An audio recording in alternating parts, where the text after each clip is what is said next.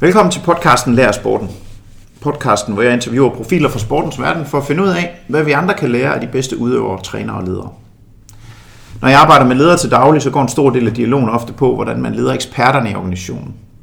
De eksperter, der er livsnødvendige for virksomhederne, fordi de har en dyb og afgørende viden og erfaring inden for et bestemt område. Men også de eksperter, der i kraft af mange års erfaring kræver en anden form for ledelse end de unge medarbejdere, der ansættes løbende. I dag skal jeg snakke med en sand ekspert. En OL-medaljetager i en individuel global idrætsgren. En ekspert, der konkurrerer i en disciplin, som skal forløse fire års slid på under 55 sekunder. Og faktisk allerhelst under 54 sekunder. En ekspert, som, en ekspert, som de fleste danskere kender, for hun har været med i rigtig mange år, og de seneste år har hun tilhørt den absolute verdenselite. Selvom hun først ret sent fik sit internationale gennembrud sådan for alvor, med EM-guld i 15 og OL sølv i 16. I har nok regnet ud, at dagens gæst er Sara Slot Petersen. Velkommen til, Sara. Tak. Fortæl os først, øh, hvor er vi, og hvorfor er vi her? Jamen, vi er i øh, et lille, hyggeligt mødelokale i øh, Marseillesborghallen, som nu hedder Aarhus 1900 Atletik og Løbeakademi, eller et eller andet i den dur. Øhm, det er en dejlig nyrenoveret hal, men det her, jeg har trådt alle mine løbeskridt, siden jeg var 13, når vi har snakket i vintermånederne. Så det her er mit andet hjem, det er min base. Og det er for nylig blevet renoveret? Ja, det er dejligt. Det brugte de hele sidste vinter og sidste sådan forår og sommer på, så den er lige blevet officielt åbnet i forårs. Fremragende. Ja, det er dejligt. Øhm, nu er det jo så øh, ved middagstid her. Hvordan ser en almindelig dag ud for dig? Er det altid med træning om formiddagen, som det har været i dag? Øhm, de, nu skal jeg lige tænke mig om alle dage undtagen mandag. Øh, der har jeg kun sådan lige sådan et lille formiddagspas. Men ellers der har jeg øh, formiddagstræninger, og så har jeg er der en to dage, hvor jeg så også har eftermiddagstræninger. Så, øhm, men det er sådan, det er ikke noget, der ligger fast, men det, er sådan, det varierer sådan lidt. Øh, hvis jeg ikke laver det om formiddagen, jamen, så laver jeg det om aftenen, hvor at min, den primære del af min træningsgruppe er her. Mm. Hvor mange træner I sammen? I dag var vi fire, øh, som alle sammen har et rigtig højt niveau inden for sprint. Øhm, og om aftenen, hvor vi er sådan en lidt bredere træningsgruppe, øh, hvor vi godt kan være en 15-20 stykker.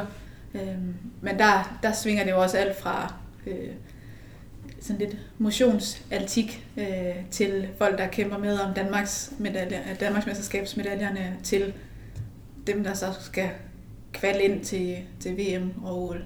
Så du træner som set samtidig også med nogen, man, man, man med al respekt vil kalde motionister? Eller måske ja, ja, ja, det gør jeg. Men det har jeg altid gjort. Det, det passer rigtig godt til mit hoved. Det, jeg kan ikke... Øh, jeg, ved ikke, jeg har faktisk aldrig prøvet at være i sådan en rent elitært træningssetup, fordi det er ligesom ikke det, vi har af muligheder i Danmark. Øhm, men jeg synes, øh, det giver mega meget til en træningsgruppe, at øh, folk kommer med forskellige øhm, forudsætninger og forskellige ambitioner, så længe at man, når man træner, så giver man sig fuldt ud. Så kan det godt være, at man ens fuldt ud, det kun er til at blive nummer 20 i Danmark, og mit er til at blive, ligge i toppen i verden, men så længe vi begge to giver os max, jamen så kan man udnytte hinanden. Er der altid en træner? Stort set.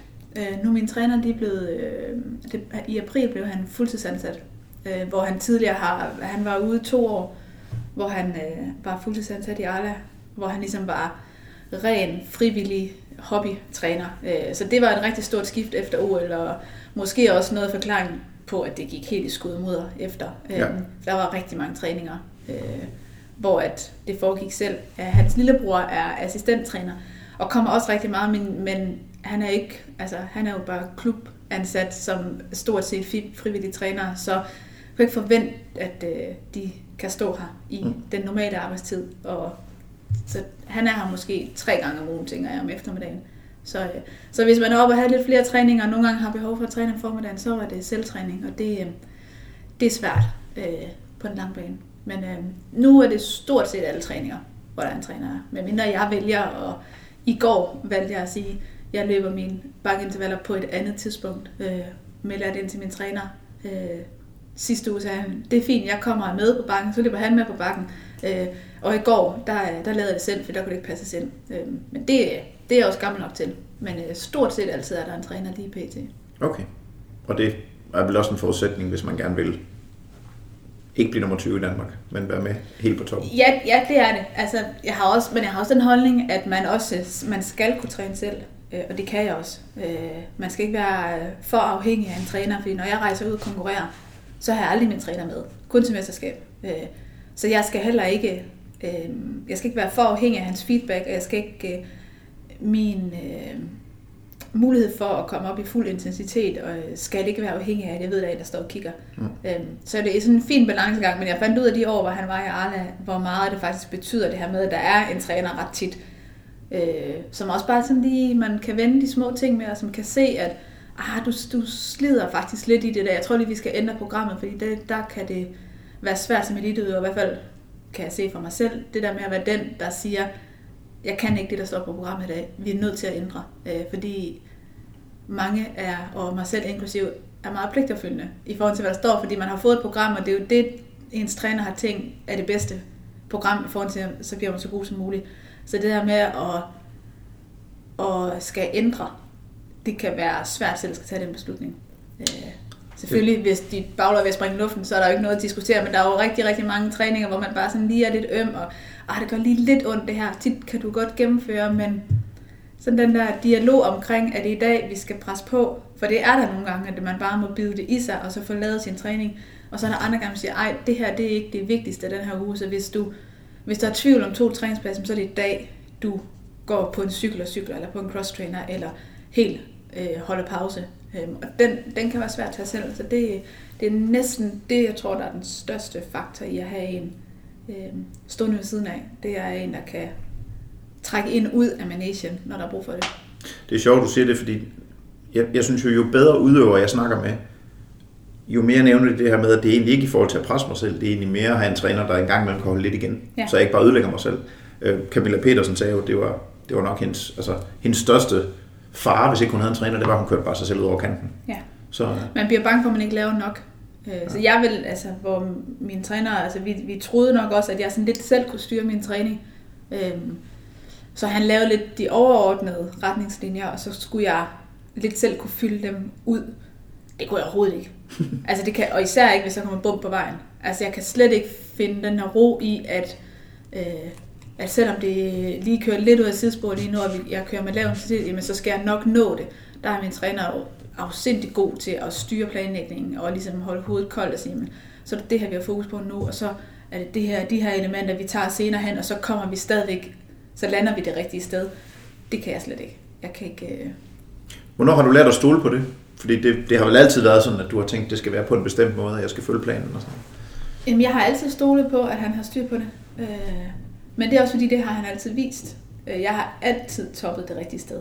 Øh, jeg er, det er meget, meget få gange, hvor jeg ikke har leveret mit top 3 på sæsonen til det vigtigste stævne. Øh, så øh, det er jo med årene, jeg har lært det. Øh, men jeg tror, jeg, jeg tror egentlig aldrig rigtig, jeg har betvivlet det, fordi jeg startede, jeg har jo trænet med ham i nærmest al min tid. Øh, så øh, til at starte med, der får du bare at vide, ligesom, at jamen, det er din træner, der styrer det, og når man er 15 år, sådan, så betvivler man jo ikke, altså du har ingen forudsætninger selv for at gøre det bedre. Øh, og så man sige, så måske da jeg bliver 25-26, vil være der, hvor man måske vil begynde at sige, nu har jeg haft så mange år i det her game, gør vi nu tingene rigtigt, men det har jeg ikke haft grund til, fordi det, det kan jeg jo se, at vi har gjort. Øhm, så det har altid været meget nemt at, øh, at bare have fuld tillid, synes jeg. Øh, hvor meget træner I? Hvor meget træner man i hækkeløb? Sådan timer om ugen? Øh, det, det ved, jeg ved ikke lige, hvor mange timer jeg træner. Mm, jeg har, nu skal jeg tænke mig om, 1, 3, 5, 6. Jeg har seks sådan rigtige træningspas, hvis man kan sige det sådan, og så har jeg to sådan lidt mindre, øh, øh, sådan et, et aerob pas på en cykel og et sådan Teams øh, øh, TRX, sådan noget kropsstyrke. Øh, så, øh, så jeg har, jeg har maks fire løbepas på nu. Når vi er på træningslejr, nogle gange lidt flere, men faktisk ikke, øh, ikke særlig meget mere. Øh, og det er simpelthen øh, af erfaring, at vi har prøvet at være oppe, at jeg skulle træne øh, 12 gange om ugen. Og, øh, men jeg, øh, jeg træner med så høj intensitet, at jeg kan presse min krop op i øh, den absolute top, øh, når jeg træner. Øh, så jeg kan, jeg kan simpelthen ikke holde til at træne mere, fordi min restitutionstid er så lang. Øh, så hvis jeg skal træne mere, så skal vi sætte intensiteten ned. Øh, og det er min force, at jeg netop kan komme derop. Øh, så jeg træner øh, egentlig, øh, jeg har kun et vigtigt pas per dag, øh, men så er der også mange af dem, hvor der er, øh, er godt knald på. Øh så det, øh, det har været, øh, det har taget lang tid for min træner at finde ud af, at det var det, der var formen. Og igen, det er også det med at ture øh, og gøre mindre. At nogle gange, at less is more, og det var det virkelig for mig. Op til OL 12 trænede jeg rigtig, rigtig meget. Øh, holdt op og havde meget mange løbepas og i knold på, og jeg, jeg kunne ikke mere. Altså jeg, jeg blev, i de år op til, jeg havde simpelthen så mange skader. Det var hele tiden, gik det rigtig godt, og så knækkede filmen, og tilbage igen, og træthedsbrud og diskusprolapser, og det var godt nok stolpe ud. Øhm, og så øh, blev jeg gravid og fik en søn, og så sætter det ligesom sådan en naturlig begrænsning for, hvor mange timer der er til at træne. Fordi det var ligesom, der er tid i den lange lur, og så er det det, i hvert fald det første år, når der er, ikke er en institution. Øhm, mm. Så, øh, og det viser bare, at det fungerede vildt godt. Fordi så var jeg faktisk frisk til, når jeg skulle træne, i stedet for jeg har godt nok tit mødt ind og bare været helt basket. Øhm, så øh, less is more. Øh, men så, når man så træner færre gange, altså vi træner mange minutter. I dag har vi trænet to og en halv time med altså, ret, altså virkelig høj kvalitet på. Øh, og nogle gange om lørdagen er vi, rammer vi de tre timer med virkelig høj puls over meget lang tid. Så vi har også nogle lange træninger, men øh, men hvis man skal have færre træninger, så skal, der også, så skal intensiteten skrues op. Det er interessant det der med, at man jo ofte kigger på det, man kan måle, nemlig hvor meget har vi trænet, i stedet for lidt for mange gange at kigge på, hvad det egentlig, skal ende med. Ja, så jeg kan jo heller ikke, jeg kan jo ikke bare sidde og sige, hvor mange timer jeg træner om ugen, det ved jeg, altså det ved jeg. Jeg ved, hvor mange gange, hvis jeg lige tæller sådan lidt efter. Mm. Øhm, men, men fordi det er ikke vigtigt, det er vigtigt, hvad, der, hvad indholdet er i de timer, jeg er her. Øh, for jeg kan sagtens også rundt i fire timer og få mindre ud af det, end jeg har gjort i dag på to og en halv. Det er jo ikke noget problem. Mm. Øhm, så de der sådan, timeantal, det, det føler jeg ikke er relevant. Det er spændende for en, der kommer fra svømning, fordi vi går jo enormt meget op i træningsmængder, dosering af træningsmængder hen over sæsonen og sådan noget. Så det, kan du fortælle os lidt om, hvordan din, øh, din karriere startede? Vi kommer meget mere tilbage til det her med konkurrencen, for jeg, jeg er enormt interesseret i det her med, når du så bliver stille på stadion, og man skal præstere noget i 55 sekunder, og man har brugt fire år på det. Det kommer vi tilbage til. Jeg kunne egentlig godt tænke mig lige at høre lidt om, sådan, hvordan startede karrieren? Hvornår, hvornår vidste du, at det skulle være hækkeløb? Og... Ja, jeg startede med atletik, da jeg var øh, 13-14 år. Øh, mine forældre bor lige øh, ved siden af Aarhus Stadion, så det var jo nærliggende, og jeg har lavet mange forskellige sportsgrene. Øh, var meget hesteinteresseret og spillede utrolig meget fodbold. Øh, og kunne godt se sådan, at jeg var, jeg var hurtig på fodboldbanen. Øh, det har jeg også altid godt vidst. Jeg var også altid hurtig altså i folkeskolen, når vi havde idræt. Så jeg vidste godt, at jeg kunne løbe hurtigt. Øh, men det tog mig lidt lang tid at finde ud af, at det måske var så det, jeg skulle gøre, i stedet for bare at bruge hurtigheden sammen med en bold eller noget andet. Øh, men øh, så, så min storebror gik til atletik, og øh, kom hjem med mange medaljer. Han var også rigtig talentfuld. Øh, så, øh, og han er halvandet år ældre end mig, så vi havde naturligvis en, øh, konkurrence omkring medaljer. Øh, og jeg kunne godt se, at det var svært at hente medaljer i fodbold. Altså det var sådan en indendørs turnering en gang imellem, eller en sommerferieturnering, og så var det sjældent, man kom hjem med en medalje. Så, øhm, så det var egentlig derfor, jeg startede til atletik, for jeg tænkte, hvis det er så nemt at hente medaljer der, så må jeg, øh, så må jeg skulle prøve det. Øhm, af mangel på respekt for min storebrors øh, talenter, så tænker jeg, at de deler medaljer ud. Så, øh, så tænker jeg, at det, det, jeg kan huske, at han kom hjem fra et DM med 3-4-5 medaljer, og jeg tænkte, hvad pokker er det for noget? Det, hvor nemt er det lige? Øhm, og så startede jeg, og så var det meget nemt for mig. Og så, øh, så er jeg ligesom blevet hængende, og da jeg var 16, øh, drop, øh, skilte jeg fodbolden fra. Øhm, fordi der jo lige så stille skulle trænes mere i begge sportsgrene, og jeg, øh, det var der bare ikke tid til. Og så startede jeg i gymnasiet, og øh, så der, øh, der blev det altid mange af dem, jeg har snakket med, de har understreget, det her med at dyrke mange forskellige sportsgrene, har været centralt for dem. Øhm, også folk som, du ved, Joachim B. Olsen for eksempel, der også har fået medalje til OL. Det lyder ikke som om, det har betydet så meget for dig. Jeg tror alligevel, det har været med til at forme mig, men selvfølgelig har jeg jo, øh, ja, for jeg var måske ja, 15-16, tror jeg, jeg stoppede med fodbold, men jeg kan ikke præcis huske det. Øh, så det er jo mange år, jeg ligesom bare har været i atletikkens verden, men øh, mine forældre, øh, vi flyttede til Aarhus, da jeg var 5, tror jeg. Øh, og især min sådan, fars øh, filosofi har altid været det her med, at man, vi skulle gå til et musikinstrument, og vi skulle gå til en sport ud over skolegang. Øh, både for at stimulere øh, på forskellige måder, men også så meget for at have forskellige sociale fællesskaber, fordi det er jo tit en mulighed for at få nogle andre roller og bryde ud af de roller, som man meget hurtigt får i en klasse.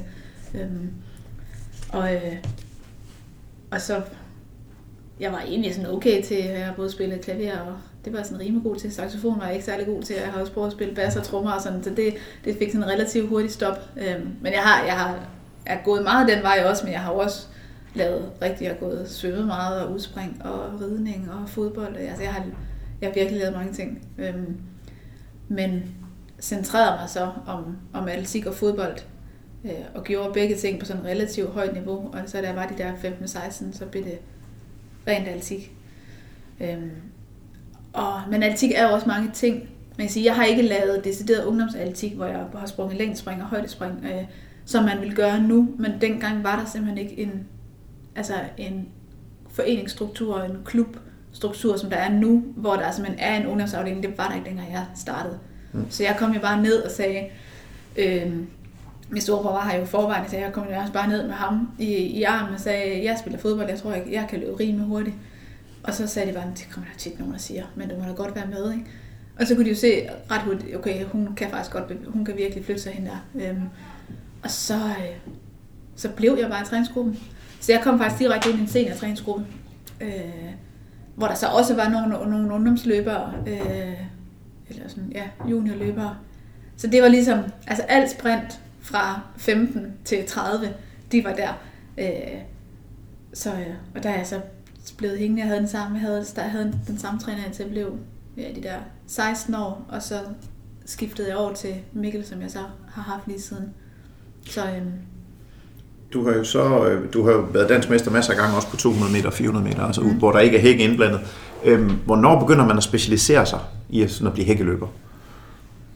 Øhm, jamen, øh, jeg vidste fra relativt tidligt, at det nok var hæk, der var min bedste disciplin. Jeg, Der satte jeg nærmest dansk rekorder første gang, jeg forsøgte mig med det. Øh, og lige så snart jeg kom ud og løbe i Europa som 14-årig, så vandt jeg det hele og fik sådan noget stævnets øh, bedste præstation, fik sådan nogle pokaler med hjem, for det, sådan, det var sådan ret, øh, ret hurtigt, ret tydeligt, at, øh, at det var jeg god til, åbenbart. Øh, og så har jeg jo lang tid lavet alle de andre ting, fordi det er jo et element i at løbe et godt hækkeløb, det er jo, at du kan løbe hurtigt øh, uden, ellers så bliver man heller ikke hurtigt med hække. Mm. Øh, og jeg konkurrerer jo stadigvæk på de distancer, så, øh, så de er jo på ingen måde skældt fra, men der er der ingen tvivl over, over de sidste 6-7 år, at de blevet droslet væsentligt ned.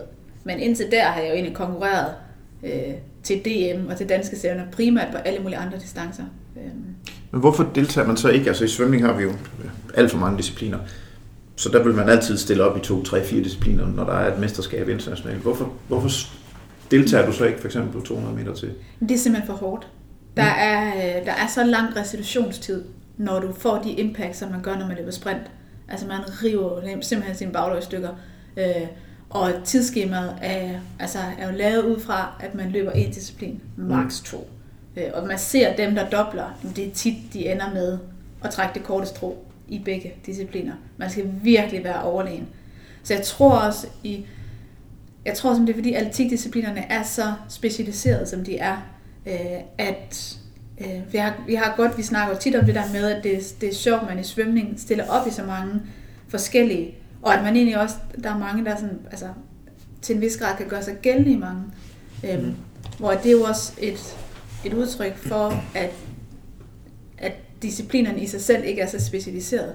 Øh, at der er måske 80% der ligesom går igen, eller 90% der går igen, det er jo bare min forforståelse. Mm. Men at i atletik, der, der er der Øhm, der er selvfølgelig, altså, selvfølgelig er der meget i sprint, der går igen med hinanden. Man kan se 100 meter og 200 meter. De, der er mange, der dobler. Men det er simpelthen så forskellig træning fra 200 til 400, fordi det er en fordobling af konkurrencetiden. Mm. Øhm, at det kan bare, det er mit talent i hvert fald ikke stort nok til. Mm. Der er nogle enkelte, enkelte verdensstjerner, som også kan køre en dobbelt der, men, og så især når man, jeg har hækket på, altså det forlænger bare restitutionstiden. Øh, så jeg kan ikke, jeg kan simpelthen ikke præstere det, jeg skal hvis jeg skulle lave noget indimellem. Altså, øhm, det, øh, men det er jo også, altså, det er også noget kultur, for jeg tænker i svømning, hvis alle gør det, jamen så er det jo lidt samme forudsætninger, man møder op, eller i hvert fald mange gør det. Hvis alle har et par løb mere øh, i arme og ben inden en, en, en finale, øh, jamen så er det jo cirka de samme vilkår, man har. Hvis det er den kultur, at man ligesom stiller op jamen, i øst og vest, hvor i atletik, der kvalder man ind på én disciplin. Mm. Så kan det godt være, altså jeg kan godt kvalde ind på flere, men jeg vælger én. Øhm, ja. Så derfor så møder, altså dem jeg konkurrerer mod, de har jo ikke andre ben, eller andre løb i benene. Nej. Så hvis jeg skulle have det, jamen så, så skal jeg have det mere talent end dem, og det har jeg trods alt ikke i forhold til de allerbedste i verden. Men det handler også om i svømning, at belastningen ikke er så hård. Du Nej. kan jo ikke rykke dig selv i stykker i vandet, fordi vandet flytter sig. Nej. Din, din bane flytter sig jo ikke. Nej, så altså, restitutionstiden er bare rigtig, rigtig lang, når ja. man løber max sprint. Altså det, det er helt vildt. Også selvom det er korte distancer, så er der virkelig lang restitutionstid. Nu øh, bliver det jo så endnu mere ekstremt, at, at der, når der så kun er en disciplin, og man træner jo i fire år frem mod noget, i atletik er det jo ligesom i svømning, tillader mig ud fra, at der er OL, og så er der alt andet. VM også, så det kommer lige efter OL, og så efter det, så er det nærmest ligegyldigt, hvis du sammenligner med OL og VM. Så når man så skal konkurrere i en disciplin, indledende, semifinal og final, hvad skal der til for at være en rigtig god hækkeløber i selve konkurrencen? Der er selvfølgelig nogle fysiske ting, og du, du skal være hurtig osv., men i selve konkurrencen, hvis du skulle tage de to-tre vigtigste ting ud fra den internationale tophækkeløber, og så til en rigtig god hækkeløber i Danmark, hvad er det så? Altså jeg vil lige starte med at sige, sådan, at i atletik, der er ingen tvivl om, selvfølgelig fylder OL mest, men atletikmesterskaber er øh, hvad skal man sige, relativt højt rangeret, altså hvert år, øh, både i atleternes bevidsthed, men også sådan i hvad skal man sige, den generelle befolkning. Øh, så når der er et EM i atletik, så er det faktisk, altså, det er noget, der betyder rigtig meget, både for forbundene og for atleterne, og jeg kan også, altså, da jeg vandt min, min EM-guld, altså, der var der er rigtig meget mediedækning. Øh, så det, øh, hvor jeg har godt set mange, nogle andre sportsgrene, der er det nærmest, altså, der er det kun OL, altså for eksempel sejlads, der er jo ikke rigtig nogen, der går op i et EM Nej. eller et VM, og svømning er det, det er måske... lidt det samme v, svømning. Ja, VM fylder lige lidt mere, men ja. jeg kan godt se EM, altså det bliver jo, der står nærmest ikke engang nogle steder, at Nej. der er noget, øhm, der hvor det er, det er, det er alt, trods alt lidt anderledes for atletik. Øh, så det år, hvor der øh, kun i godsøjne er et EM, altså der er atleter stadigvæk max på. Øhm, mm. Så det er, det er, vi oplever ikke de der sådan helt så voldsomme fireårs cyklus, som mm. for eksempel sejlads, hvor alt jo bare er lagt an på OL. Så de bedste er der også, når der er EM? Helt klart. Okay.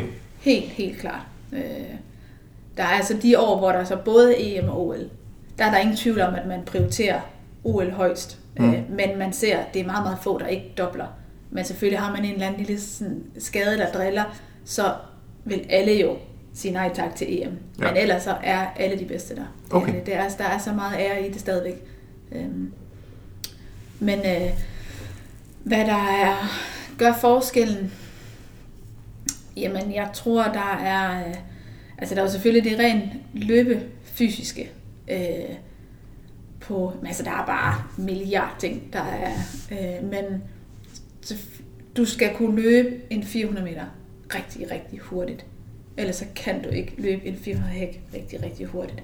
Øh, så det er, vil jeg sige, det er nok en af de største sådan, altså forskelle på, altså danske de er simpelthen for langsomme på, altså niveauet på en dansk 400 meter er meget, meget lavt sammenlignet med det internationale niveau. Øh, så, øh, så der er, og mit niveau på en 400 meter er også for lavt. Øh, det er helt klart en af øh, en af de ting, som holder, altså, som holder mit niveau nede, det er, at jeg har, jeg har ikke det fysiske talent for at løbe en 400 lige så hurtigt som en konkurrenter. Mm. Øh, hende, der vandt OL-guld, har jo en PR på to sekunder hurtigere på den flade 400, end jeg har.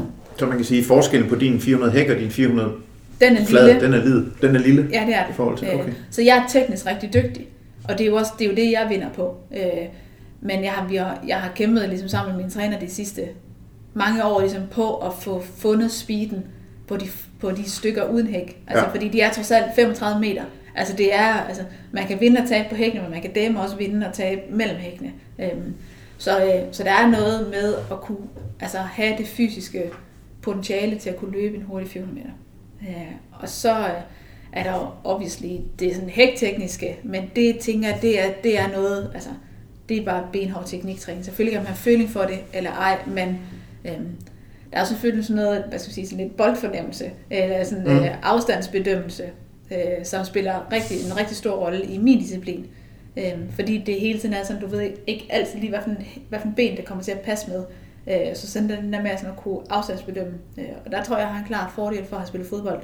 Det her med at kunne læse et objekt, der kommer imod, og man skal have det til at passe med at sparke til et bestemt ben. Og sådan. Så, mm. øh, fordi det skal du kunne, når du bliver træt, og hvis der lige pludselig kommer vind, du skal kunne hele tiden kunne mærke efter, hvad cirka skridt længde løber med, og nu kommer hækken der, hvor mange skridt passer det med godt, så bliver det højre ben, og så skal jeg have korrigeret på den her måde. Øhm, men det vil jeg sige, det, det kan de fleste lære. Øh, og så det, der helt klart er den største forskel, det er øh, det mentale aspekt.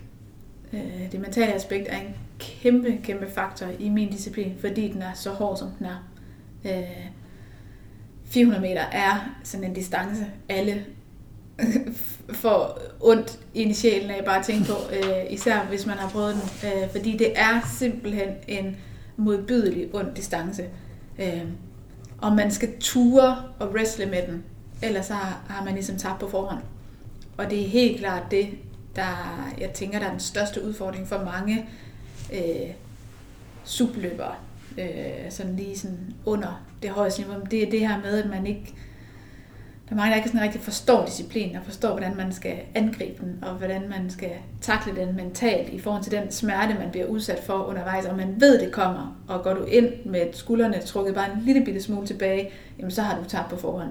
Øh, og så det, når der hækkene kommer på, det er jo så bare et ekstra element, men der er jo stadigvæk den her battle med distancen. Øhm, og så skal du så have det til at passe med nogle skridt oven i købet. Øh, men der er helt klart, øh, jamen, størrelsen på nosserne, altså hårene på brystet, altså det er, det er rigtig, rigtig meget det, det handler om. Man skal, man skal virkelig være villig til at tage en stor mængde smerte, og man skal ikke være bange for smerten. Så, så hvis du er bange for den, så er den der med hud og hår? Jamen, og måske den så ikke engang gør, fordi så kommer du simpelthen ikke op i den intensitet, du skal. Mm. Øh, for er du bange for, at smerten kommer, jamen så kommer man lige automatisk til at lige lægge lidt låg på sig selv, for så rammer den ikke helt så hårdt, men så løber du også bare rigtig langsomt. Nu kan godt være, det bliver lidt for nørdet, men, men er det all out fra start? Altså du skal jo op i fart så hurtigt som muligt, ikke? Det er ikke all out. Det, jeg vil sige, det er 98,5 øh, går man ud i. Og hvor er det så all out? Er det efter 100 meter, eller hvornår? Det er all out, når du kommer i mål, så har du ikke mere. Men der er ikke noget tidspunkt på 400 meter, hvor du, du løber din maksimal hastighed, okay. fordi så, så brænder du jo alle, du brænder dit nervesystem af, du ja. brænder din kreatinfosfat af, altså du kan simpelthen du er nødt til lige at ligge lidt under dit max, fordi det netop er, det er en lang sprint, men du kan ikke løbe den som om, at du skal løbe den 60 meter. Nej. Du jo simpelthen bruger al ATP, og jamen, altså, det kan du ikke. Du er nødt til at lige komme niveauet ned, hvor du kan få hjælp af nogle andre energisystemer i kroppen.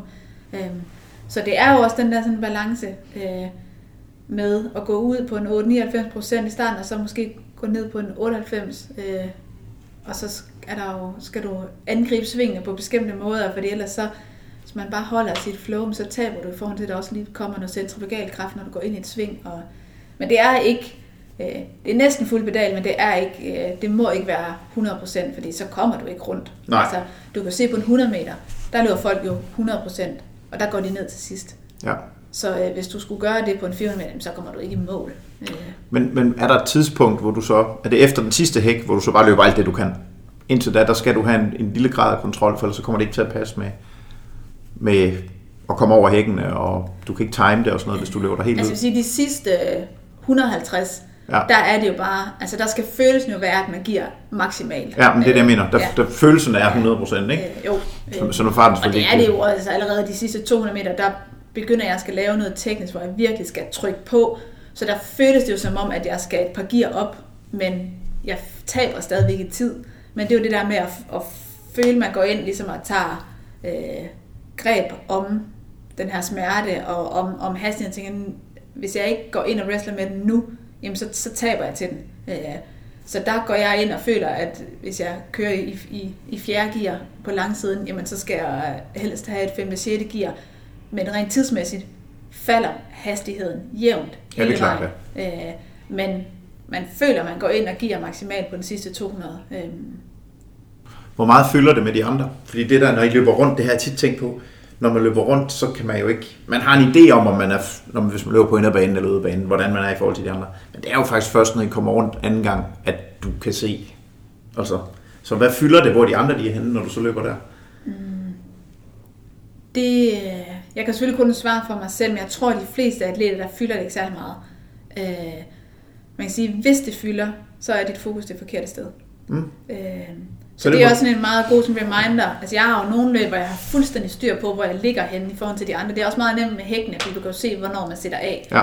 Øh, så hvis jeg har for meget fokus på, ligesom at, okay, tredje hæk, om jeg er meget godt med fjerde hæk, okay, den fik jeg før hende, og sådan, jamen så har jeg ikke fokus, hvor jeg skal have det. Mm. Så jeg skal jo løbe på min egen hække, og så er det sådan noget, når du kommer ind på sidste langside, jamen så skal du begynde at løbe om kap. Men indtil, indtil jeg har løbet 8 hække, det vil sige 300 meter, jeg skal ikke løbe om kap før det. Der skal jeg ligesom løbe mit eget hurtige løb. Øh, Og jeg må selvfølgelig godt udnytte de andre er der til at blive trukket med, for man kan jo heller ikke, jeg kan i hvert fald ikke løbe fuldstændig en osteklokke, men det er kun de sidste 100 meter, man sådan decideret skal ind og battle. Øh, For der ligger du også skulder om skulder. Mm. Øhm, Men der er nogle løb, hvor jeg slet ikke øh, nærmest opdager de andre, og så er der andre, hvor jeg, jamen, kan, når jeg kommer ind og målstregen, kan jeg jo fortælle, hvor mange skridt de nærmest har haft, fordi mit fokus har været alle mulige andre steder, og det er jo, det er jo også en del af løbet, og det er jo ikke altid, man rammer den perfekt. Når man skal løbe tre gange, er der så også et element i, at hvis man er dygtig nok, så prøver man at holde lidt igen i indledende, eller kan man ikke styre det, fordi så kan man risikere, at det, man kigger sådan ikke. Øhm, det er sværere med hække end uden hække. Øhm, men der er ingen tvivl om, at øh, man forsøger at spare sig lidt i første runde. Øhm, men det er ikke sådan, at jeg laver anderledes skridt, øh, fordi det kan jeg ikke. Mm. Mm. Det der med, hvis jeg lige pludselig skal til at give så meget ned, at jeg skal have et ekstra skridt, jamen det kommer næsten til at koste for mange kræfter, fordi det giver en helt anden løberytme. Ja. Så jeg kører det antal skridt, jeg altid gør, ind til 9. hæk, som er ved 320 meter. Så en gang imellem sætter jeg et ekstra skridt ind til sidste hæk.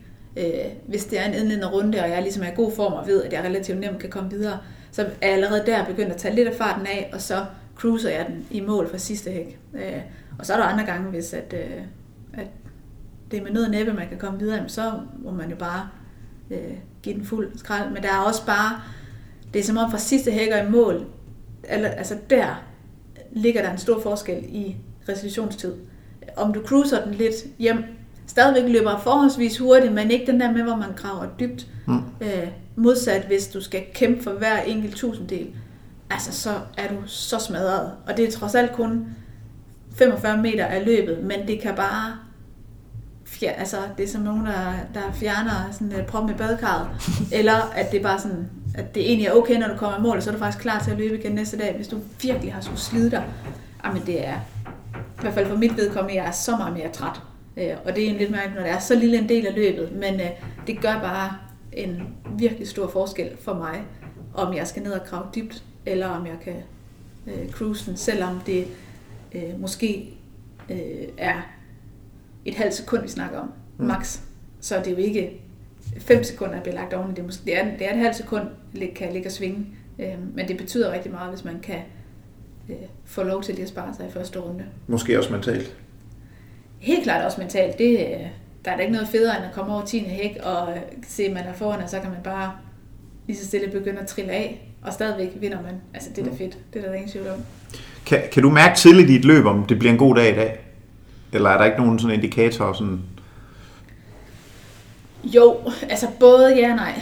Øhm, det, det har jeg en ret klar fornemmelse af. Men jeg øver mig i at ikke at mærke efter. Mm. Øh, fordi at man jo nogle gange øh, kan blive for sensitiv.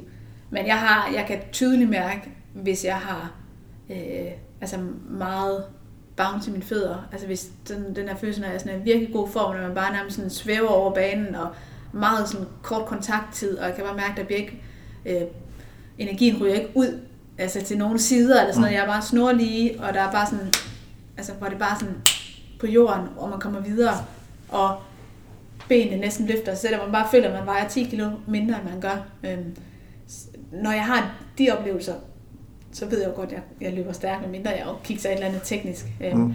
Men der har også været gange, hvor jeg har synes, at jeg har skulle slide lige fra start. Øh, og så kommer jeg faktisk ind i en ganske habil tid, hvor mm. jeg tænker sådan efterfølgende, nå, okay, det var slet ikke det, jeg havde troet. Så den der med, at jeg, jeg kan mærke, når det er rigtig godt, men jeg kan også blive snydt, så jeg har skulle arbejde meget med det her med ikke at give op undervejs i løbet, bare fordi det føles som om, man har cement i skoene. Øh, fordi det er, det er så øh, fin, hvad er det rigtige ord? Øh, det er på så bitte, bitte små parametre, at den der sådan med, om man føles let, eller det føles tungt, det kan, det kan føles som en kæmpe stor forskel, når man, når man løber, men øh, sådan tidsmæssigt og bevægelsesmæssigt kan det faktisk øh, vise sig, at det ikke har en særlig stor relevans. Mm. Altså nogle gange, når jeg løber nogle træningsløb, hvor jeg kan stå og himle op og slå ud med armene og være meget, meget frustreret over min træner, hvor han bare siger, du løber spot on de tider, du skal. Du rammer dem på 100 delene på hver hægt, og jeg bare sådan tænkte, jamen jeg føler, at jeg trækker et mm. bildæk efter mig, jeg kan jo ikke komme frem. Sådan, det kan godt være, og selvfølgelig skal vi arbejde på, at du får noget lethed, men du løber det, du skal. Så lad være med at kapitulere, blot fordi der er et eller andet inde i kroppen, der føles anderledes. Der er mange af mine svømmere gennem tiden, der har brugt enormt meget energi på, hvordan det føles i opvarmningen. Og det er jo sådan, man kan jo hurtigt overbevise sig selv om, at det bliver noget lort, ikke? Ja, Så, det er det nemmeste. Men det kræver nok også, at man, er, man kommer lidt op i alderen, før man kan sætte sig ud over det. Ja, men, men det er, øh, det er da... Øh, men det er også fordi, man kender jo sin krop så godt. Øh, og når det er noget individuelt, som nærmest er 100% fysisk, øh, betonet, jamen så, så har det jo en stor, øh, spiller jo en stor rolle, altså om man er frisk eller ej, men, men nogle gange så føles kroppen bare anderledes, eller hovedet fungerer anderledes, og det skal man bare lige nogle gange kunne sætte lidt til side. Øh, fordi kroppen kan nogle gange mere, end man lige regner med. Man får kan nemt få sat nogle begrænsninger op for sig selv, fordi ja. man skal lige, ah, det er, ikke, det er der ikke lige i dag. Men så er der noget andet, der er der. Altså det er jo bare, summen skal give 100, og så nogle gange så er det øh, det mentale, der tager det store slæb, eller så er det noget fysisk, eller så er det viljen, eller sådan. Altså det er jo, man kan løbe et løb på mange måder. Jeg plejer gerne at sige til svømmerne, at vi er her for at svømme, og hvis man vil føle, så må man gå i det kongelige teater. Altså, det er... Jamen, det er der også noget sandhed i. Øhm, men der er jo, altså igen, det er jo på en sådan en bjergtinde, fordi du skal jo også hele tiden mærke efter i mm. forhold til at øh, jeg skal hele tiden mærke, at jeg går ud i det rigtige udgangstempo. Ja. Øh, fordi hvis jeg går lidt for langsomt ud, så løber jeg for langsomt. Hvis jeg går lidt for hurtigt ud, så kan jeg også ende i for langsom tid. Så det der, jeg skal jo også, så det er den der balancegang, jeg skal hele tiden føle, fordi jeg skal også hele tiden øh, være sikker på, at jeg har den rigtige skridtlængde, og jeg skal gå ud i det rigtige tempo, men stadig, og så på samme tid skal jeg ligge hovedet og bare løbe. Ja. Så det er, øh, men, mm. men der, der er rigtig mange, jeg synes især, der er mange af de unge atleter, som, som føler rigtig meget. Øh, men det er helt klart også en udfordring, jeg selv har og har haft. Mm. Hvad, når der bliver helt stille på stadion, hvad tænker du så på som det aller sidste, inden starten er gået? Øh, der er sjældent helt stille på et atletikstadion, fordi der altid foregår øh, mange ting på samme tid. Så det er jo ikke som i en, svømmebassin, hvor der ligesom kun kan være en disciplin der kan jo sagtens være en, der er gang med at sætte verdensrekord i stangspring, eller et eller andet. Ah, der er et eller andet over i baggrunden. Jeg synes bare, at nogle gange, så kan man fornemme, er, at så bliver der helt jo, stille. Der er ingen tvivl om, at det jo primært er løb, som har publikums opmærksomhed. Ja. Øh, så man kan, sagt, man kan godt få stadion til at være forholdsvis stille, når der, hvis der skal være en finale. Øhm, men igen, hvis det er noget, jeg lægger mærke til, så er mit fokus det forkerte sted. Mm. Lidt ligesom med mine konkurrenter. Så der er der nogle gange, hvor jeg har stået og tænkt, wow, der går nok helt stille, eller hvor der er nogen, og de har hæppet helt vildt, hvor jeg, har nærmest fået gåsehud. Det gjorde jeg inden et løb i, øh, til OL i, i 12 i London, for der var en englænder, der blev præsenteret på banen ved siden af mig, hvor hele 90.000 jo bare råbte og skreg. Altså der fik jeg simpelthen gåsehud, sådan, og jeg endte faktisk også med at kigge løbet, simpelthen fordi, at det har, øh, øh, det har fået lov til at komme ind under huden på mig. Mm. Øhm, så det er jo det der med at lære, hvordan kan jeg få det bedste ud af al det energi, publikummen har, men uden at det må komme ind under huden på mig.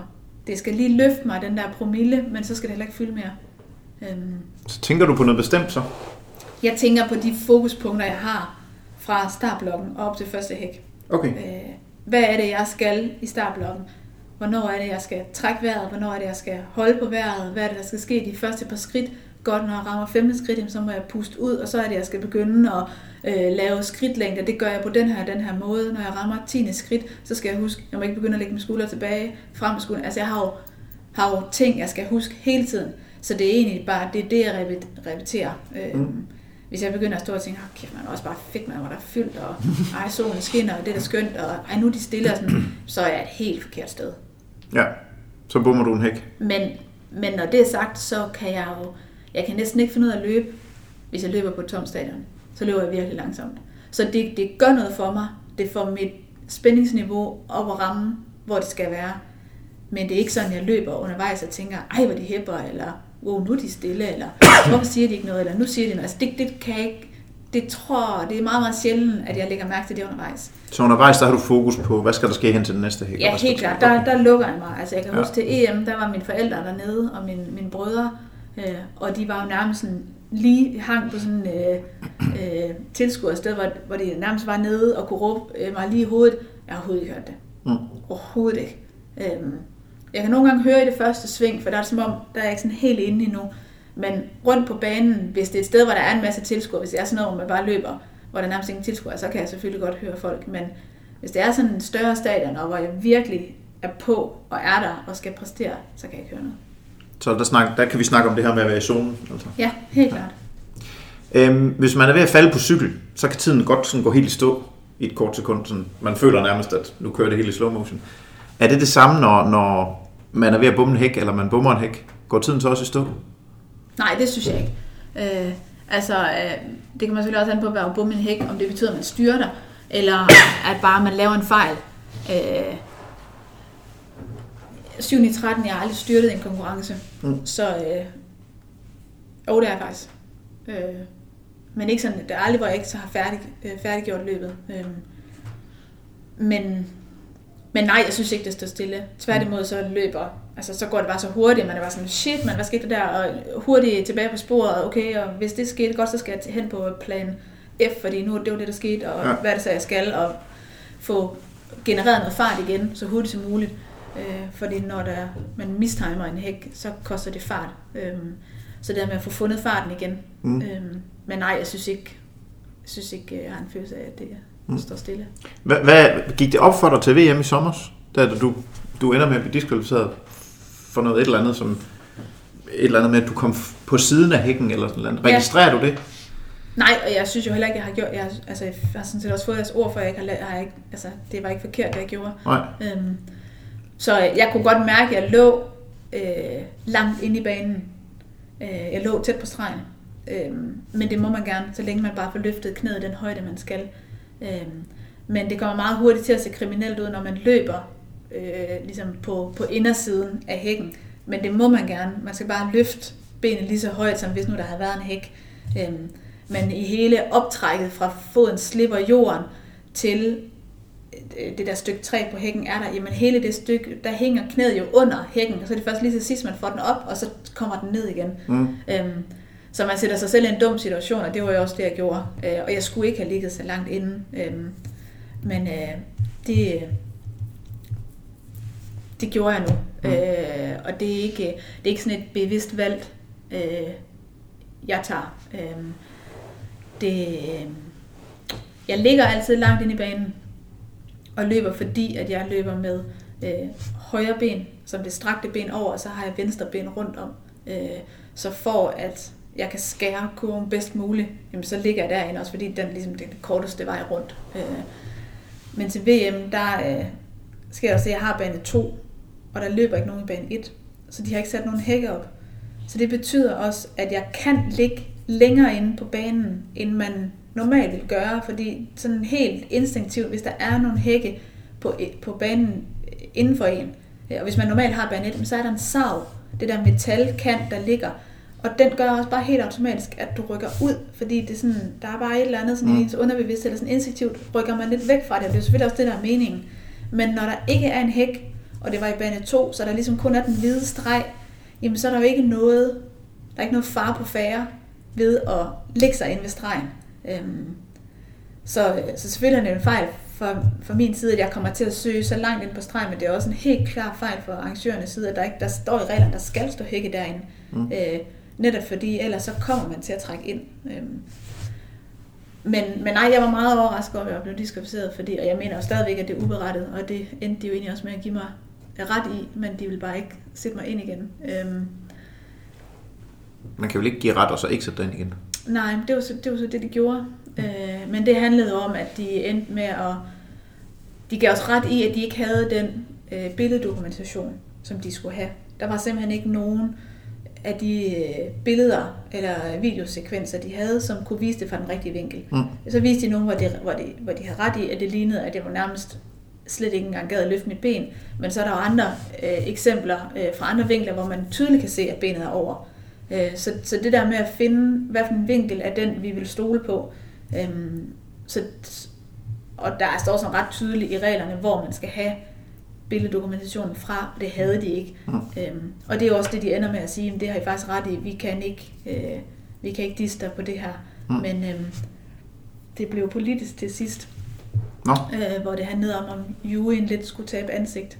Mm. Øhm, så de gik videre i spole ligesom filmen videre, så fandt de et andet sted i løbet, hvor de så synes, at jeg lavede noget, jeg ikke måtte. Og det er en helt klar omgåelse af reglerne. Det må man ikke. Juryen må ikke selv kigge videre. De må forholde sig til den hæk, og i mit tilfælde var det hæk 6, som er over ved 200 meter mærket. De må forholde sig til den, og så må de forholde sig til noget andet. Og det er den, der er indgivet en sag på. Og den ender de faktisk med at sige, I har ret. Vi har ikke tilstrækkeligt billedbevis, og vi kan se nogle af de videoer, I kommer med. Jamen, der ser det fint ud. Så den er lige på grænsen. Øh, men I har ret, vi kan ikke entydigt sige, at jeg skal diskes. Øhm, så laver de det der krumspring, øh, hvilket er helt uacceptabelt, men det var den øverste jury, den var røget i, og mm. øh, der er ikke nogen til at tjekke den.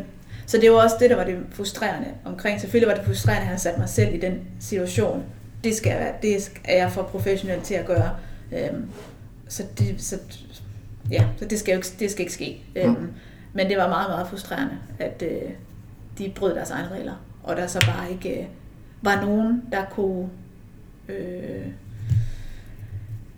øh, ja, se dem over skulderen, eller ligesom, altså, mm. holde styr på, at øh, reglerne, de ikke bliver brudt, og sådan helt gå derfra med sådan en helt klar fornemmelse, at havde jeg været for et stort land, som har haft en stor staff og en stor organisation, og måske nogle, nogle flere folk, der sidder i de mm. der jury og i de der councils, så havde det måske været en anden afgørelse. Ej, det er skidt, at det skal øhm, være sådan.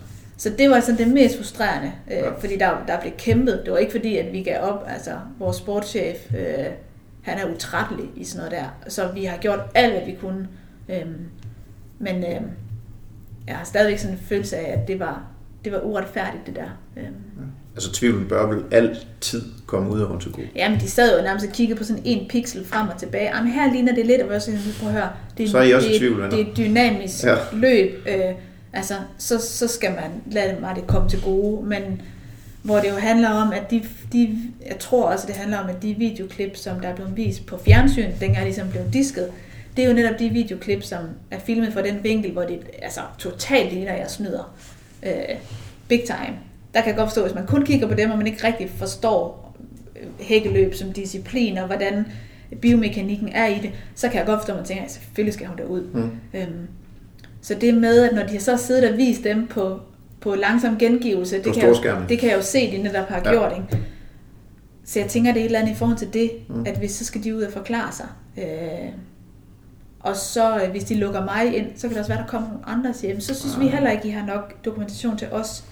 Øh, så jeg tror simpelthen, jeg blev offer i, altså, det blev, det blev politik. Vi skal ikke blande politik og sport sammen. Nej, men øhm, det bliver der alligevel hele tiden. Men øh, så jeg må sørge for, at jeg ikke sætter mig i den situation igen. Og det er jo lektion. Ja.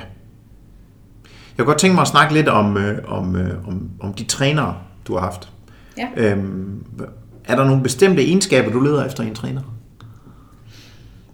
Øhm, altså, øh, man siger, jeg føler ikke rigtigt, at jeg har kunne lede efter egenskaber. Altså, de dygtige træner hænger jo ikke på træerne. Mm. Øh, og man kan sige, min første træner, øh, jeg har været træner i mange år, og også rigtig, rigtig dygtig.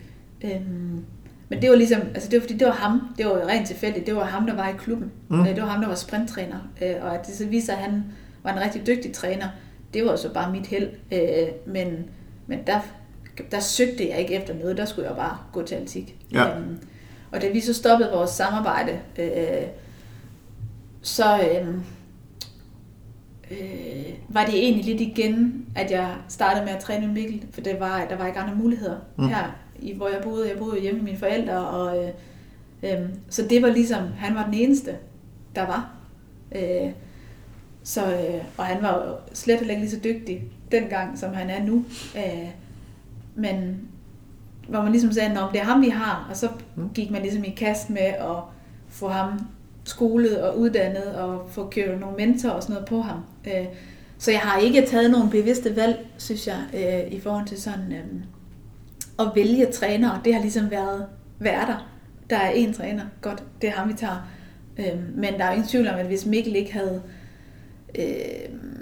gennemgået den udvikling og været villig til at, at opsøge så meget øh, sparring og viden, som han gør, jamen så kan det godt være, at jeg ikke var blevet ved ham, hvis jeg haft en fornemmelse af, at det var sådan en, der ikke gad at blive klogere, og ikke Mm. gad at søge ud i verden for inspiration, fordi man bare siger, at vi er et lille land, vi har ingen traditioner inden for hækkeløb, hvorfor skulle vi vide alt? Mm. Øhm, men der har Mikkel heldigvis fuldstændig den modsatte holdning, så han, han er jo sådan en svamp, han suger simpelthen alt til sig, og han er verdensmester til at øhm, sådan øh, socialisere øh, med de der øh, trænere, ikke sådan noget, sådan noget med at drikke sig fuld, men sådan det der med sådan at være ydmyg og stille sig hen og spørge ind til, hvordan de gør, og hvad tænker I om det der, jeg kan se, I lave det, hvad, hvad, hvad er dine tanker? Altså den der med sådan virkelig sådan ydmyghed og øh, sådan en mesterlærer, hvor han kommer som øh, øh, lærling, Mm. der, øh, der gerne vil lære de gode.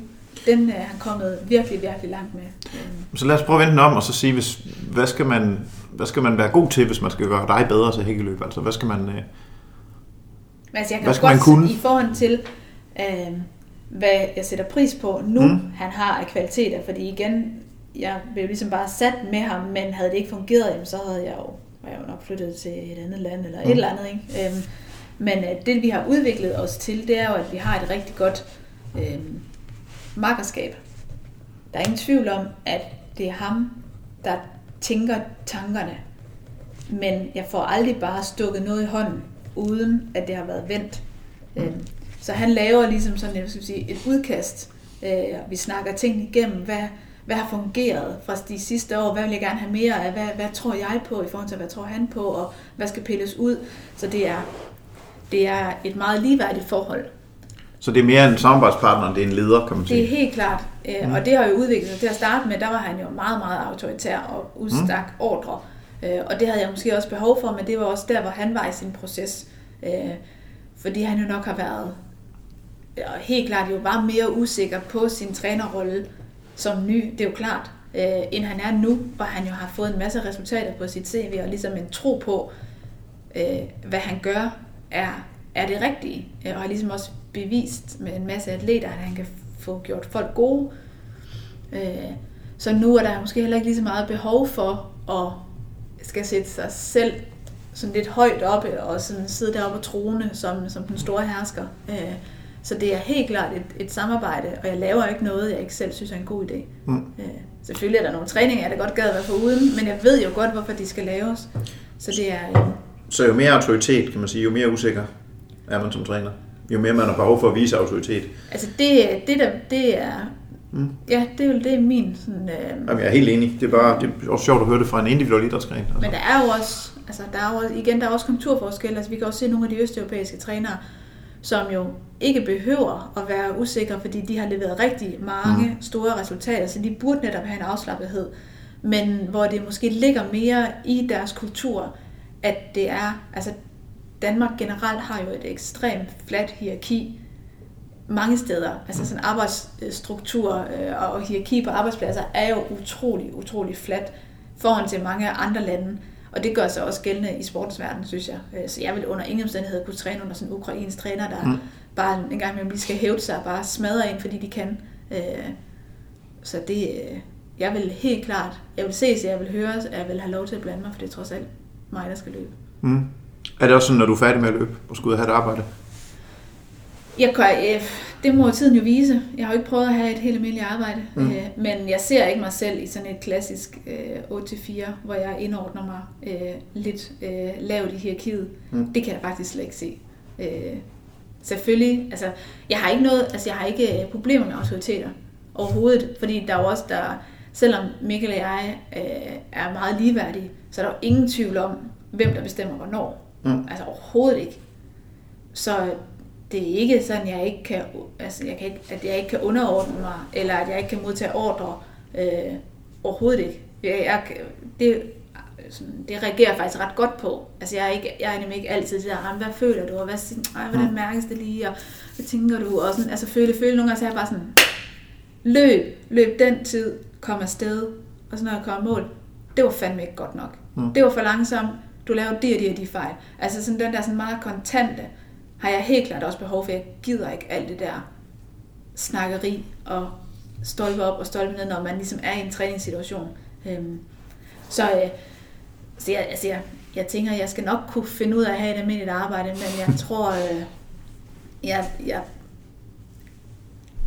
jeg, jeg skal finde min plads, det er der ingen tvivl om, og jeg kommer, øh, jeg tror, øh, ja, jeg aner ikke, hvor jeg ender, men jeg, jeg, jeg har en fornemmelse af, at jeg ender i øh, en virksomhed, hvor at, øh, at jeg ikke skal starte øh, nederst, og hvor der er en høj grad af fleksibilitet øh, og et sådan meget dynamisk arbejdsmiljø, hvor der er en masse ansvar til Mm. den enkelte. Øh, det andet, det, jeg har taget meget høj grad af ansvar for min egen karriere, siden jeg var 16 år, så det der med, hvis man lige pludselig skal ind og at der skal være nogle ægte voksne, der sådan står nærmest og bestemmer, og man sådan skal stå skoleret, det, det har jeg svært ved at se skal ende lykkeligt. Men, øhm, Men det er sjovt, ikke. fordi det også, altså når jeg arbejder med ledere, så spørger jeg dem jo også tit, jamen, hvad siger dine medarbejdere så det her? Og så siger lederen ofte, jamen, det har vi ikke sådan rigtig snakket om. Det er jo den opgave, vi skal udføre. Og der, når man kommer fra sportens verden, så er man bare vant til, at sige, hvis man arbejder med en atlet, så sætter man sig lige ned og snakker om, hvad der, der skal ske. Ikke?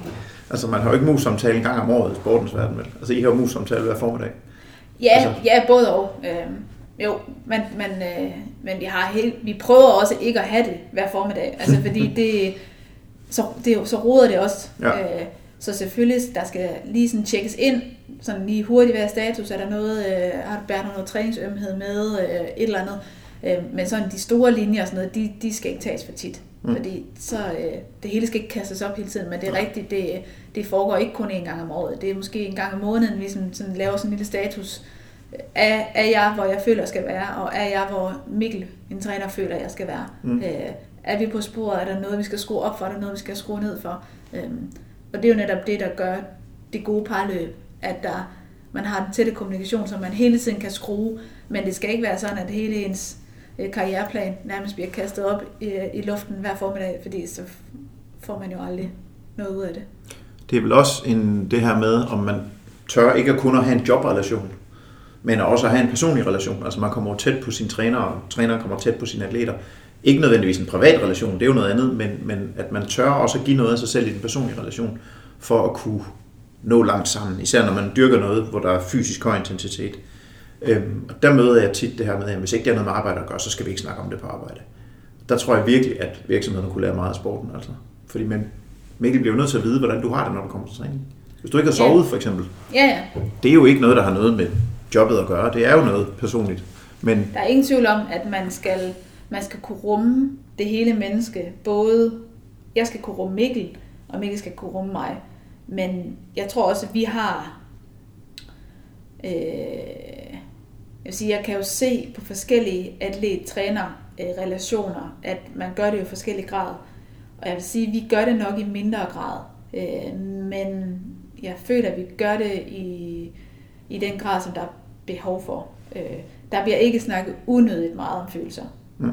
Min træner er trods alt fra Vestjylland. Øh, og øh, vi, der er sket meget øh, de sidste fem år, synes jeg. Øh, og det har helt sikkert været noget af det, der har manglet, sådan den der empati for sin atlet. Øh, og faktisk det der med at, at stole på sin atlet, at man ikke bare siger ting, fordi man vil slippe for at træne. Mm. Øhm, men den der less is more, altså igen, at, at, at nogle gange så kan det være der guldægget det ligger, at man skruer lidt ned, netop fordi man er i en træls periode.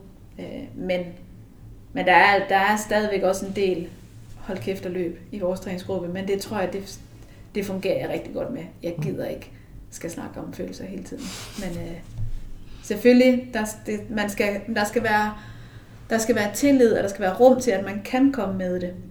Men man skal også passe på, at det ikke fylder for meget. Altså den, det er igen det er den der balancegang. Jeg kan også se nogle træningsgrupper, altså der er det rigtig meget. Altså det er jo nærmest, man aldrig får gennemført programmet, fordi der hele tiden, ah, så er der lige lidt her, og jeg er lidt ked af det. Og, mm, mm, mm. Altså nogle gange så handler det også om, altså netop, sæt lige en stopper på alt det føleri, og så forlade din træning. Øh, så men det, ja, der er jeg også sådan lidt, altså der er jeg meget jysk og meget sådan bundsk, tror jeg. Øh, og det passer meget godt sammen med min træner. Han er markant mere end jeg er, men jeg er ikke, øh, jeg er, jeg er ikke særlig sentimental og sådan, omkring sådan noget der. Jeg har, det har jeg, kan jeg godt have svært ved at rumme. Hvis folk hele tiden snakker om, hvad det, hvordan det føles, så bliver jeg sindssyg.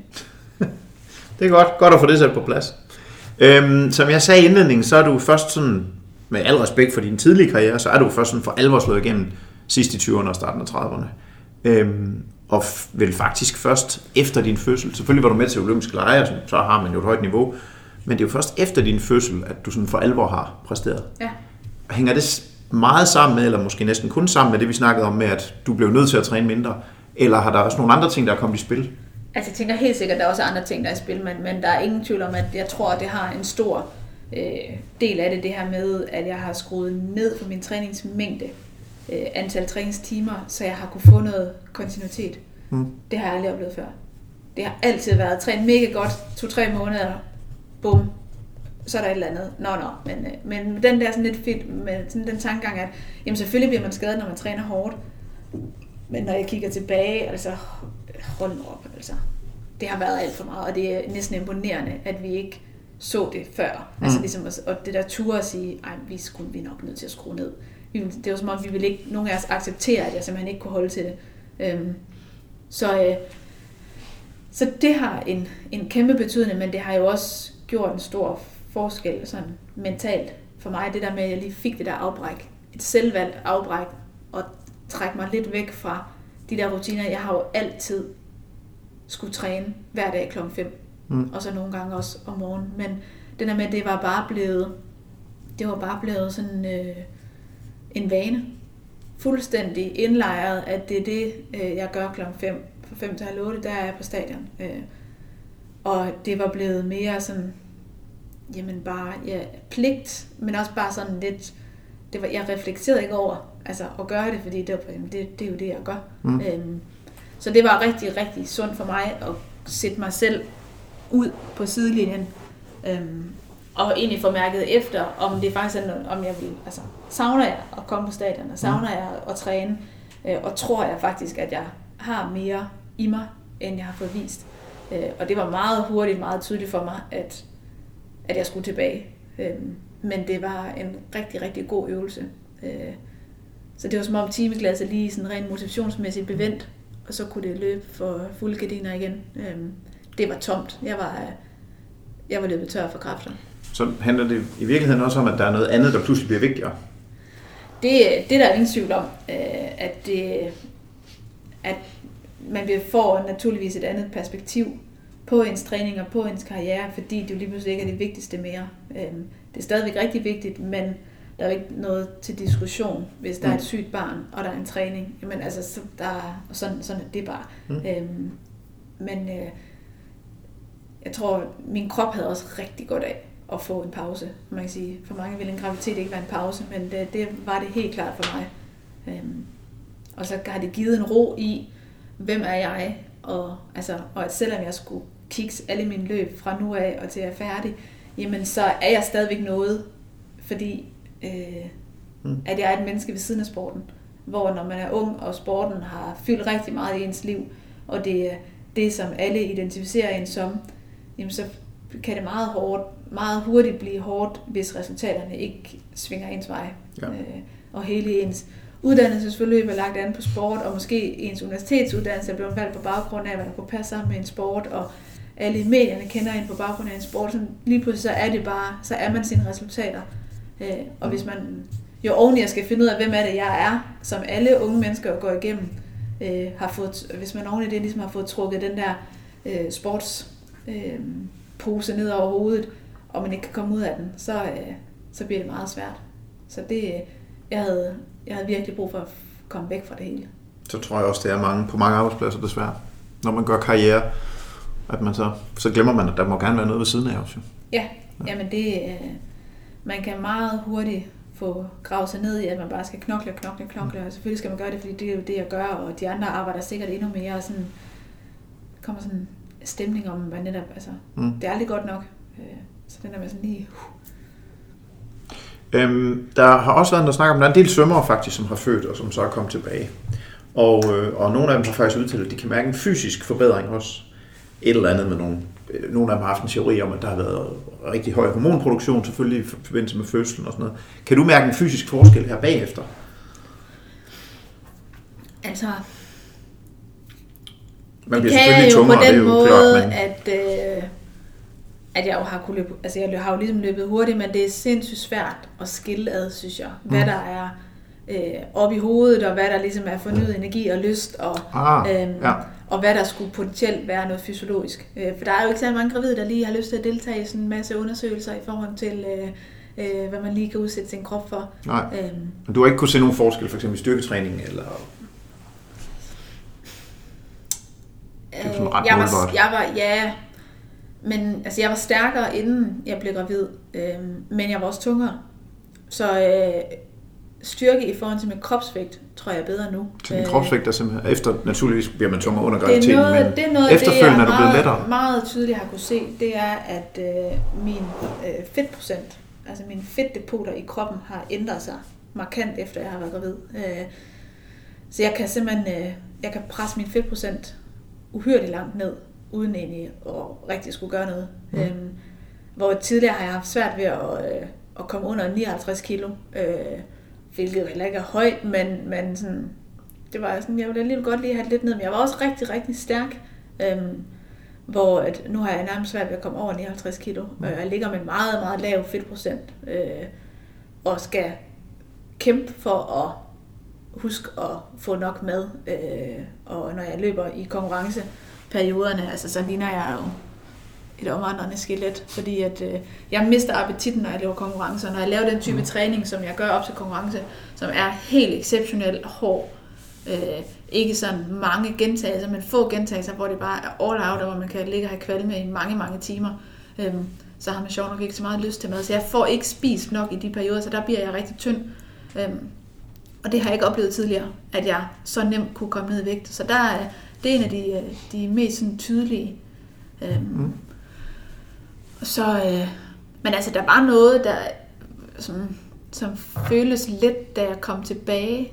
Øh, kan jeg godt huske øh, sådan et halvt år efter, eller 4-5 måneder efter, hvor jeg sådan begyndte at træne min træningsgruppe igen, kunne jeg følge med på nogle intervaller i, med, med, med drengegruppen, som jeg tidligere ikke har kunnet. Mm. Øhm, men, men jeg tror også, men jeg kunne til gengæld også se, at jeg kunne slet ikke følge med på sprinten.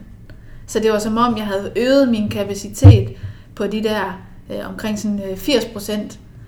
Men jeg, jeg havde ikke evnen til at brænde nervesystemet helt af. Jeg kunne simpelthen ikke løbe hurtigt, men til gengæld så kunne jeg bare blive ved. Men jeg kunne ikke, min træner kunne ikke bede mig om at løbe to sekunder hurtigere per 200 meter. Det kunne jeg simpelthen ikke. Mm. Men jeg kunne ligge og løbe de der tider, som jeg tidligere faktisk havde svært ved. Og jeg kunne bare, jeg kunne servere dem hele tiden. Bum, bum, bum, bum, bum. Men jeg kunne ikke, altså jeg kunne ikke lige lave det der ryg opad.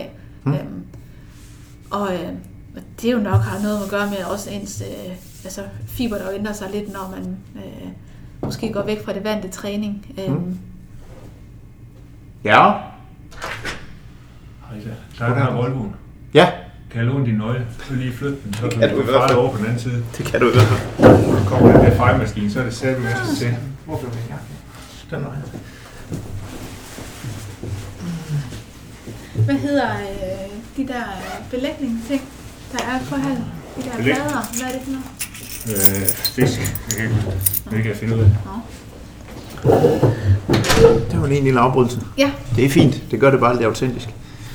men øhm, så altså, jeg synes, det er, altså, jeg har jo godt hørt nogle af de der teser, så får man mere blod, og dit og dun og datten, men i, altså, blodlemmerne har jo ikke, altså de har jo så lang levetid, har de jo ikke, så selvfølgelig producerer du mere blod, når du er gravid, Mm. men altså så skulle det være, fordi du går ud og løber et maraton øh, en måned efter du er født, så kan jeg godt se, at den her højere blodmængde kan jo give dig noget mere ild, men altså, jeg kunne ikke løbe et maraton en Mm. måned efter jeg havde født. Så altså, mine konkurrencer, de, øh, de startede, jeg tror, jeg løb min første konkurrence syv måneder efter jeg havde født. Øhm, så der var alt, altså der vil alt det der hormonelle og sådan øh, blodmæssige, det er jo neutraliseret. Mm. Øhm, men, men jeg, jeg tror da stadigvæk, der er et eller andet i nogle af de hormoner, man måske har produceret undervejs i en graviditet, øh, Mm. mm. har spillet ind. Jeg kan i hvert fald se, at min krop ser anderledes ud nu, end den gjorde før. Øh, sådan helt klart fedtprocentsmæssigt. Det er, det er intuitivt bagvendt for mig, nu er jeg så ikke læge, men at du har nemmere ved at få din fedtprocent ned, efter du har været Jeg ved ikke, om man, om man har et lidt højere øh, testosteron-niveau, når man er gravid, om der sker et eller andet i forhold til det. Øh, og det, det betyder noget i forhold til Det- det, ens fedtprocent. det er klart, ja. Fordi jeg kan huske, der har også været en, en løber, der hedder Rikke Rønholdt, øh, som er 800 meter løber, øh, som prøvede at klare øh, øh, nogle OL-krav, men, men nu kom det ikke, men sådan var sådan rimelig sådan profileret, og nu øh, gør sig i, øh, i erhvervslivet. Øh, og jeg kan også huske, hun sagde, at for hver graviditet, hun var igennem to, øh, jo længere kunne hun presse sin fedtprocent ned. Øh, så der er, øh, i hvert fald for os har der, har der været det der. Det, det er en af de helt tydelige, der jeg har fået absurd mange henvendelser fra folk, der vil have kost. Nu er jeg selvfølgelig også uddannet inden for sådan det ernæringsmæssige, som gerne vil have råd i forhold til øh, vægttab og øh, sådan en præs, altså, præstationsoptimering i forhold til fedtprocent og sådan noget, fordi de kan se, hvor godt styret min egen er. Mm. Øh, og hvor jeg bare sådan må skuffe folk og sige, at det er simpelthen, altså, så får jeg et barn så. Bliv gravid. Øh, øhm, så det er helt klart, det er den tydeligste. Øhm, Mm. Men jeg tror, den største faktor for mig, det er, at jeg ligesom fik, jeg fik tjekket ind med mig selv, om jeg faktisk gad det her. Og det gad jeg faktisk godt. Ja. Og så øh, fik jeg fundet den arbejdsindstilling, som er det, der har fået mig et langt stykke, men den forsvandt ligesom lidt de sidste par år, inden jeg blev gravid. At der gad jeg ikke mere. Mm. Spændende. Det var sådan en, en, en reboot. Ja, helt klart. Øhm, var der noget, der ændrede sig, efter du fik sølvmedalje til OL? Altså jeg tænker sådan øh, setup'et, økonomi, er der noget, har det flyttet noget at få en sølvmedalje til OL? Øhm, Der er selvfølgelig nogle Team Danmark støtte kroner, men det er jo ikke, er jo ikke noget, man kan leve af at, Nej. blive, at blive. altså jeg vil sige, at jeg var faktisk overrasket over, at det ikke flyttede mere. Mm. Øhm, personligt gjorde det da en, en stor forskel, fordi øh, at jeg kunne få en bedre kontrakt med Nike, og jeg fik udbetalt nogle store bonusbeløb, øh, og øh, for, fik også en bonus fra Team Danmark. Og sådan. Altså, der var ligesom sådan lidt nogle engangsting. Øhm, men øhm, jeg kan huske, at jeg var overrasket over, at det ikke betød mere, altså sådan for eksempel for min træner. Mm. Øh, at det var jo et år efter OL, det var jo der, hvor han smuttede til Arla, fordi at, at jeg tror, det var en rigtig, uden at jeg skal, øh, kan fortælle, hvad der foregår på, helt i hans hoved, så, øh, så tror jeg virkelig, det var et, øh, et, øh, et lidt slag at tage, at det her med at kunne føre en atlet så højt op, øh, fordi dansk atletik er jo ikke et, af de forbund, som for eksempel svømning, som har mange ressourcer og mange fuldtidsansatte, mm. og jeg kan jo se, når svømmerne tager på træningslejr nogle gange samme sted som os, der er jo simpelthen så meget staff med. Det er der jo ikke altid. Altså der, er, der klarer træneren det hele nærmest. Øhm, så det at kunne få løftet en atlet til det niveau, som Mikkel har fået løftet mig, øh, og at han så stadigvæk skulle arbejde som forholdsvis frivillig træner og øh, skulle kæmpe med små konsulentopgaver her og der for at få tingene til at hænge sammen. Øh, jeg tror, det var det, der ligesom, og så fik han jo et, et, et spændende tilbud, Mm. øh, men jeg tror, det ligesom var sådan lidt at tænke, okay, hvis ikke engang det, at Sara får den medalje, hvis ikke engang det kan gøre, at, jeg, at han kan få bedre arbejdsvilkår, jamen så er der ikke noget, der kan. Øhm, så, øh, men det var jo også, altså i, i Rio, det der var udfordringen, det var jo også, at der var, der var faktisk mange, der hentede medaljer. Og det var mange forskellige forbund. Ja. Så det var meget, meget bred vifte, så der var jo ikke rigtig nogen forbund, der kunne skæres væk. Det var ikke som man sagde, kajak I har leveret, eller sejlads I har leveret, eller mm. håndbold. Altså, der var jo, det var jo sindssygt fedt i Rio, fordi der var så meget stolpe ind, men det var på så, og det var så bred en palette. Så selvom at dansk atletik aldrig har leveret et bedre resultat, øh, selvfølgelig med altså Joachim og, og Wilson, men sådan i de senere år, at det så faktisk ikke rigtig gjorde en forskel. Mm. Det gjorde selvfølgelig, at vi ikke blev sat ned i støttekroner, men så vidt jeg har forstået, er det i hvert fald en lille, meget, meget lille løft, hvis der har været noget. Øhm, så det, øh, det var godt nok lidt frustrerende, øh, faktisk at opleve, mm. at øh, man, man tænker sådan lidt, hvad, hvad pokker skal der så til, altså for at det nogensinde skal ændre sig. Øhm, Hvad tænker du så nu frem mod, mod OL næste sommer? Altså hvad er det? Nu har du vundet sølv, og der er en, som bare er meget bedre end resten, så vidt jeg sådan kan... Der er to. Der er er to. ligesom begge to løber under den gamle verdensrekord. Ja. Øhm, de er stukket lidt af, det må man sige. Øh, jamen, jeg tænker, at det, det bliver spændende. Som sagt, så øh, har de de sidste år løbet meget, meget hurtigt. Men igen, de er kun mennesker. Mm. Øh, og der er også et meget stort pres på dem. Men de, øh, de er meget, meget dygtige. Og de kommer til at få nogle fede, fede dueller. Øh, men øh, tredjepladsen, den, øh, den synes jeg stadigvæk er åben. Der er mange hurtige amerikanere, men der er også nogle af dem, der har lidt- svært ved at få det til at passe, når de ikke er i USA. Øh, men igen, altså hvis jeg kan løbe, komme ned og løbe de tider, som jeg løb i 16, jamen så er jeg med, hvor det, hvor det gælder. Om Mm. mm. det er nok til en medalje på dagen, jamen det ved man jo aldrig. Men, men jeg skal derned løbe, og kommer jeg der, det tror jeg. Altså det er derfor, jeg bliver ved det, fordi jeg stadigvæk tror på, at jeg kan. Mm. Øh, og over de sidste år har været, vi har godt nok været hårde at komme igennem. Øh, men der har hele tiden været nogle ting, som har signaleret, at der stadigvæk er mere i posen. Mm. Øh, men det har jo så bare ikke givet sig øh, som udslag på banen rent resultatmæssigt. Og det er jo så, fordi der har været en masse andre udfordringer. Men, men jeg har... Øh, jeg føler ikke, jeg er færdig. Og jeg føler, jeg føler faktisk stadigvæk, at jeg bygger ovenpå. Øh, men i, i Rio var jeg bare i mit livs fysiske form, plus jeg havde det øh, sindssygt godt mentalt. Mm. Øh, så det der med, at, at øh, og min familie var et godt sted, og jamen, altså, det, det var sol og måne og stjerner stod rigtigt for mig der. Øh, og det, får man, det kan der jo ikke, er der ingen lovning på, at det kommer til at ske. Nej, nej, nej. Øh, Men det er også, altså, du kan godt motivere dig til, at måske er der en bronze, når du har fået sølv for tre år siden. Ja, ja. Jamen, altså, hvis, altså, bare det at kunne komme i en olympisk finale igen, Ja. jamen det vil være kæmpestort i sprint, når man er bare en lille hvid dansker. Øh, Ved du, hvornår det er slut? Har du besluttet, er det efter OL, eller er der fire år ef- mere? Eller? Nej, det er der ikke. Det er efter den her sæson. Okay. Øh, det er ikke efter OL. Vi har et EM efter, øh, og ligesom sæsonen løber ind til start september. Okay, Øh, så jeg tager hele sæsonen med, og så er det slut. I hvert fald på det niveau. ja. Hvad skal du så? Det ved jeg ikke. Det er ikke engang, fordi jeg ikke vil øh, fortælle, jeg ved det ikke. Nej. Øh, øhm, jeg har ikke noget i ærmet.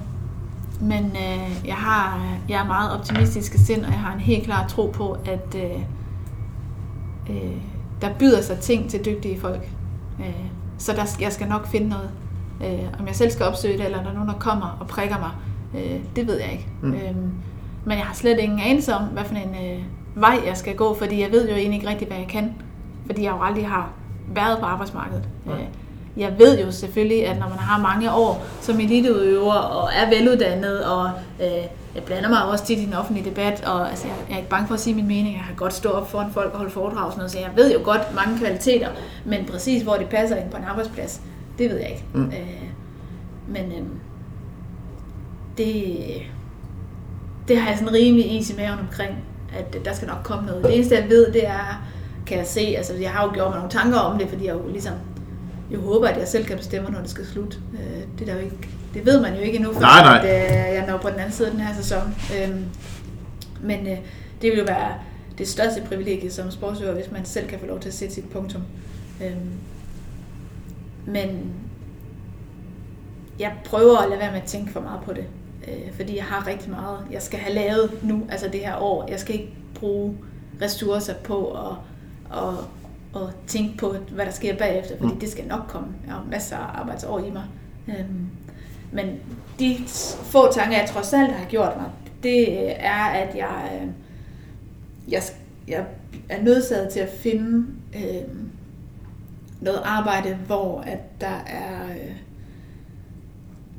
hvor der er noget på spil. Øh, hvor øh, det er i hvert fald det, jeg hører fra mange af mine øh, kollegaer, atletkollegaer, ikke nødvendigvis inden for atletik, men øh, andre OL-atleter, som har indstillet deres karriere, som siger, at det, der er aller, aller sværest, det er det her med, at du ikke får, hvis ikke det er dagligt, så er det ugenlige adrenalinkick. Øh, og den her øh, bestræbelse på at være den bedste i verden, den har du jo ikke. Øh, der er, mm. er en veninde, der er tidligere øh, roer, øh, olympisk roer, som arbejder i en bank nu, og hun er rigtig glad for sit arbejde, og hun har fået nogle børn, og det, men når hun siger, det, det er der bare ikke det der kick.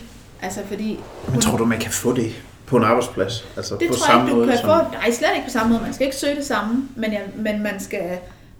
Jeg er nødt til at søge noget, hvor der er, at der skal være noget på spil. Øh, og det er jo enten, at man øh, er med, øh, hvor det er sådan lidt øh, måske projektbaseret, altså hvor der skal, altså hvor der skal eksekveres, og der skal leveres, mm. så der er nogle deadlines, og der er måske øh, nogle store seminarer eller kongresser, eller altså sådan noget øh, planlægningsmæssigt, eller øh, det kunne være at lave noget inden for tv, det her med mm. at, at lave noget, hvor man ligesom er på, hvor man er live, altså den der, jeg har lavet nogle enkelte øh, lavede, lavede sådan et øh, awardshow øh, i Aarhus for TV2 Østjylland, hvor jeg så var vært op på scenen og sådan, og der, der fik jeg sådan en lille snært, slet ikke det samme, men lige det der sådan snært med, at okay, øh, har nu forberedt mig godt nok, og man, pulsen den hammer afsted, inden man skal på, og så den der med, når man er færdig, uh, altså, wow, det var fedt, og det lykkedes, og der var lige de der fejl, ikke? men vi fik klaret det, det er der også i 400 hæk, der er også altid fejl, så jeg, altså, så det er jeg faktisk ret opmærksom på, at øh, jeg tror, jeg lige så stille kolder sammen, hvis jeg får et, i gåsøjne, for almindeligt job. Mm. Øh, men igen, jeg aner det ikke. Det kan også være, at når jeg er færdig, så, så gider jeg ikke det der med, at der hele tiden skal være noget på spil, og man hele tiden skal gå en meter mere for at få tingene til at lykkes. Mm. Øh, det kan også være, at jeg får behov for at sige, at jeg skal have fem år, hvor jeg bare har et job, hvor jeg bare skal udføre, hvad der står på papir, og når jeg går hjem, så skal jeg ikke tænke mere på det. 8 til 16. Øhm, ja. øh, men øh, umiddelbart tror jeg ikke, at det passer til mig. Mm. Men øh, det kan jo godt være, at øh, jeg får behov for det. Øhm, jeg ved, at der er en del, tiden vise. der er en del af de mediefolk, jeg kender i hvert fald, som jeg ved, der hører den her podcast, så nu er det i hvert fald om ikke angivet videre, ja. så kan de jo tage fat i dig, hvis de tænker, at der er et awardshow eller noget, der skal. Ja, ja. Øhm, når man så har dykket atletik i mange år og været en af de bedste i verden, så er det jo ikke... Øh, der sidder rigtig mange danskere, der tror, at man bliver millionær, hvis man har vundet en OL-medalje. Ja både i svømning og atletik, og det gør man ikke. Så, så når du så er færdig, hvad så? Altså, du, der, du skal vel i gang med et eller andet. Du kan vel ikke bare lænde dig tilbage i to år og sige, nu ser vi lige, hvad der sker. Øh, nej, selvfølgelig skal der tjenes penge, men altså jeg tror, øh, jeg har ikke ændret mit liv og min måde at leve på, mm. selvom at jeg har rykket mit niveau mange placeringer på verdensranglisten. Øh, så så jeg har, altså jeg har sat økonomi af til, mm. at jeg netop jeg skal have tid til at finde mig selv. Jeg skal ikke være afhængig af, at lige sådan, at jeg stiller pikskone, så skal jeg møde ind på et eller andet job Nej. den efterfølgende mandag. Det tror jeg er at give sig selv en syngende losing. Ja. Øhm, fordi der er jo ligesom det nærmest begreb, der hedder Olympic Blues, som alle atleter bliver ramt af, også selvom de ikke indstiller karrieren. Bare det der med, når noget, man har kæmpet for i fire år, og som er overstået på et splitsekund, og måske gik det godt, og måske gik det ikke godt. Bare det i sig selv giver jamen, nærmest sådan en depressiv tilstand, hvor man ja. i en lang periode er svært ved at komme ud af sengen og komme op af sofaen, og altså det er små gøremål, altså gå ned og handle, det er bare, det er fuldstændig uoverskueligt. Det er sådan lidt en lille depression. Øhm, og at skulle kombinere det med et karrierestop, det, det tænker jeg bliver endnu vildere. Øh, så jeg, jeg er meget opmærksom på, at jeg skal, jeg skal have lov til at finde mine ben. Øhm, så der, der skal være råderum i vores private økonomi til, at jeg ikke skal hive en masse penge ind. Øh, og det er der også, fordi det er noget, min mand og jeg ligesom har snakket meget om. Nu er han, selv, han er selvstændig og tidligere atlet.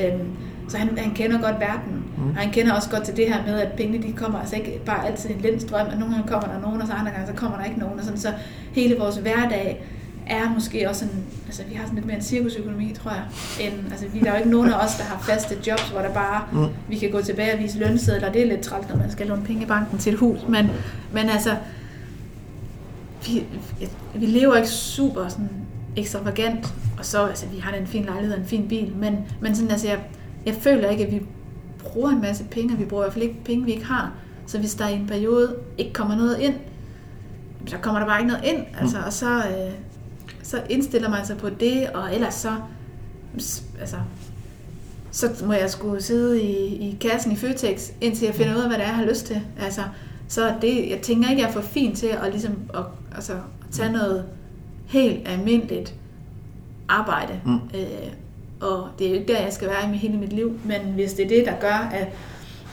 jeg kan få lov til at tænke over, hvad det er egentlig, jeg vil, men mm. at der lige er behov for, at faktisk vi har betalt nogle regninger, fordi det er jo faktum, at det, det skal man jo. Men, øh, men ja, vi prøver at være meget bevidste om ikke at sætte os for dyrt. Nu har vi lige mm. købt et hus, der skal sættes i stand, og sådan. Altså, den der proces er der tænkt ind i, at vi jo faktisk ikke rigtig ved, hvor jeg ender. Mm. Jeg synes, det lyder befriende. Jeg synes, der er alt for meget fokus på tryghed og pensionsordninger og alt muligt andet. Altså, folk de garderer sig, garderer sig, garderer sig.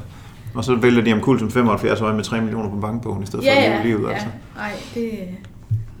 Jeg, godt, jeg har noget, øh, jeg vil godt lige tænke mig, jeg har et sidste spørgsmål, inden jeg har noget til sidst, øh, øh, der hedder fire hurtige spørgsmål. Men hvad vil undre almindelige mennesker mest, hvis de fulgte dig en normal uge? Jeg tror, det, der vil undre mest, det er, hvor let jeg tager på ting. Øh, jeg er meget lidt øh, perfektionistisk og meget lidt elitær, eller hvad sådan, øh, jeg tror, der er mange, der har en forestilling om, at øh, elitesportsfolk er sindssygt disciplineret på alle aspekter af deres liv. Mm. Øhm, og det er der nok også nogen, der er, men det er jeg overhovedet ikke. Øhm, jeg, øh, jeg reagerer ikke godt på regler og øh, stramme setups og øh, så jeg, jeg har virkelig et motto, der hedder Hakuna Matata, og når vi det ikke i dag, så når vi det i morgen. Øhm, så øh, jeg er meget afslappet omkring rigtig mange ting. Øh, både i forhold til min søn, og hvordan jeg opdrager ham, men også sådan, altså, hvad jeg får at spise. Og øh, selvfølgelig går jeg jo op i, at jeg skal have noget ordentligt mad, men jeg spiser også bøger, og altså og får masser af takeaway, fordi det er sådan, vi kan få vores hverdag til at hænge sammen. Mm. Øh, og altså er en kæmpe slik- og chokoladegris, og altså jeg er slet ikke, altså jeg er slet ikke sådan stringent øh, og elsker at bage kager og spise dem bagefter, og altså sådan, så jeg tror, jeg tror, jeg er meget afslappet, mm. øh, og vælter korthuset en dag, og jeg ikke når min træning, så trækker jeg på skuldrene og skriver til min træner, at det bliver sgu ikke i dag. Mm. Øh, vi må prøve at presse det ind, og ellers så går det træningspas ud. Altså jeg har også en, for, altså en viden, trods alt om, at det er det ene træningspas, der gør forskel. Mm. Selvfølgelig skal det jo ikke være, være det, man siger hver uge, fordi lige pludselig bliver summen til det, der gør forskellen. Men det skal ikke være for alt, altså det skal ikke være for enhver pris, det skal ikke være for alt i verden. Mm. Øhm, så øh, jeg kan sagtens trække og sige, så laver jeg kun halv styrketræningspas i dag, fordi det er lige sådan, det kan gå op i forhold til, at min mand har et møde, og, mm. øh, og min øh, dreng er øh, småsyg, eller lidt skrættende, så han skal ikke lige have en lang dag, eller hvad fanden det nu kan være. Altså, der er ikke, jeg ejer ikke det der perfektionistiske gen, faktisk. Jeg kan godt lide at gøre tingene ordentligt, og jeg kan være tendere til det med min træning, men så alligevel ikke. Altså, fordi jeg har sådan, hvis det ikke er det ene, så er det det andet. Altså, mm. mange veje fører til Rom, easy going. Øhm. Meget interessant. Det vil man jo ikke tænke umiddelbart i hvert fald. Nej, nej, der er mange, der bliver meget overrasket, når de lærer mig at kende, at de synes absolut ikke, jeg opfører mig som en eliteatlet.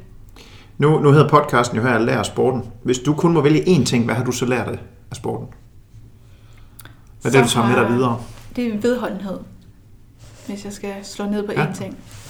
Det er det her med at kunne arbejde hårdt for et mål over en meget lang periode, uden at vide, om du får et afkast. Øhm, at jeg behøver ikke en gulderød lige foran mig. Øh, den kan godt være virkelig langt ude. Og det kan godt være kun en måske gulderød.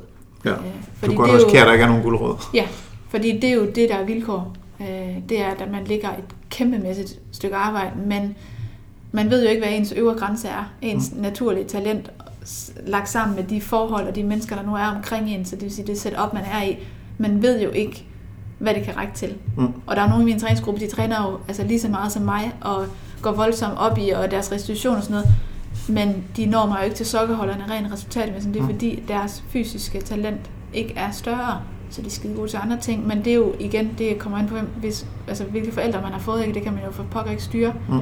Øhm, så, øh, men det her med, altså jeg bliver virkelig ikke slået ud af, at der er bum på vejen. Mm. Øhm, så Det og jeg kan også se, at min mand han er jo selvstændig, og har lavet noget startup, og øh, kører på tredje år, hvor det virkelig stadigvæk er startup.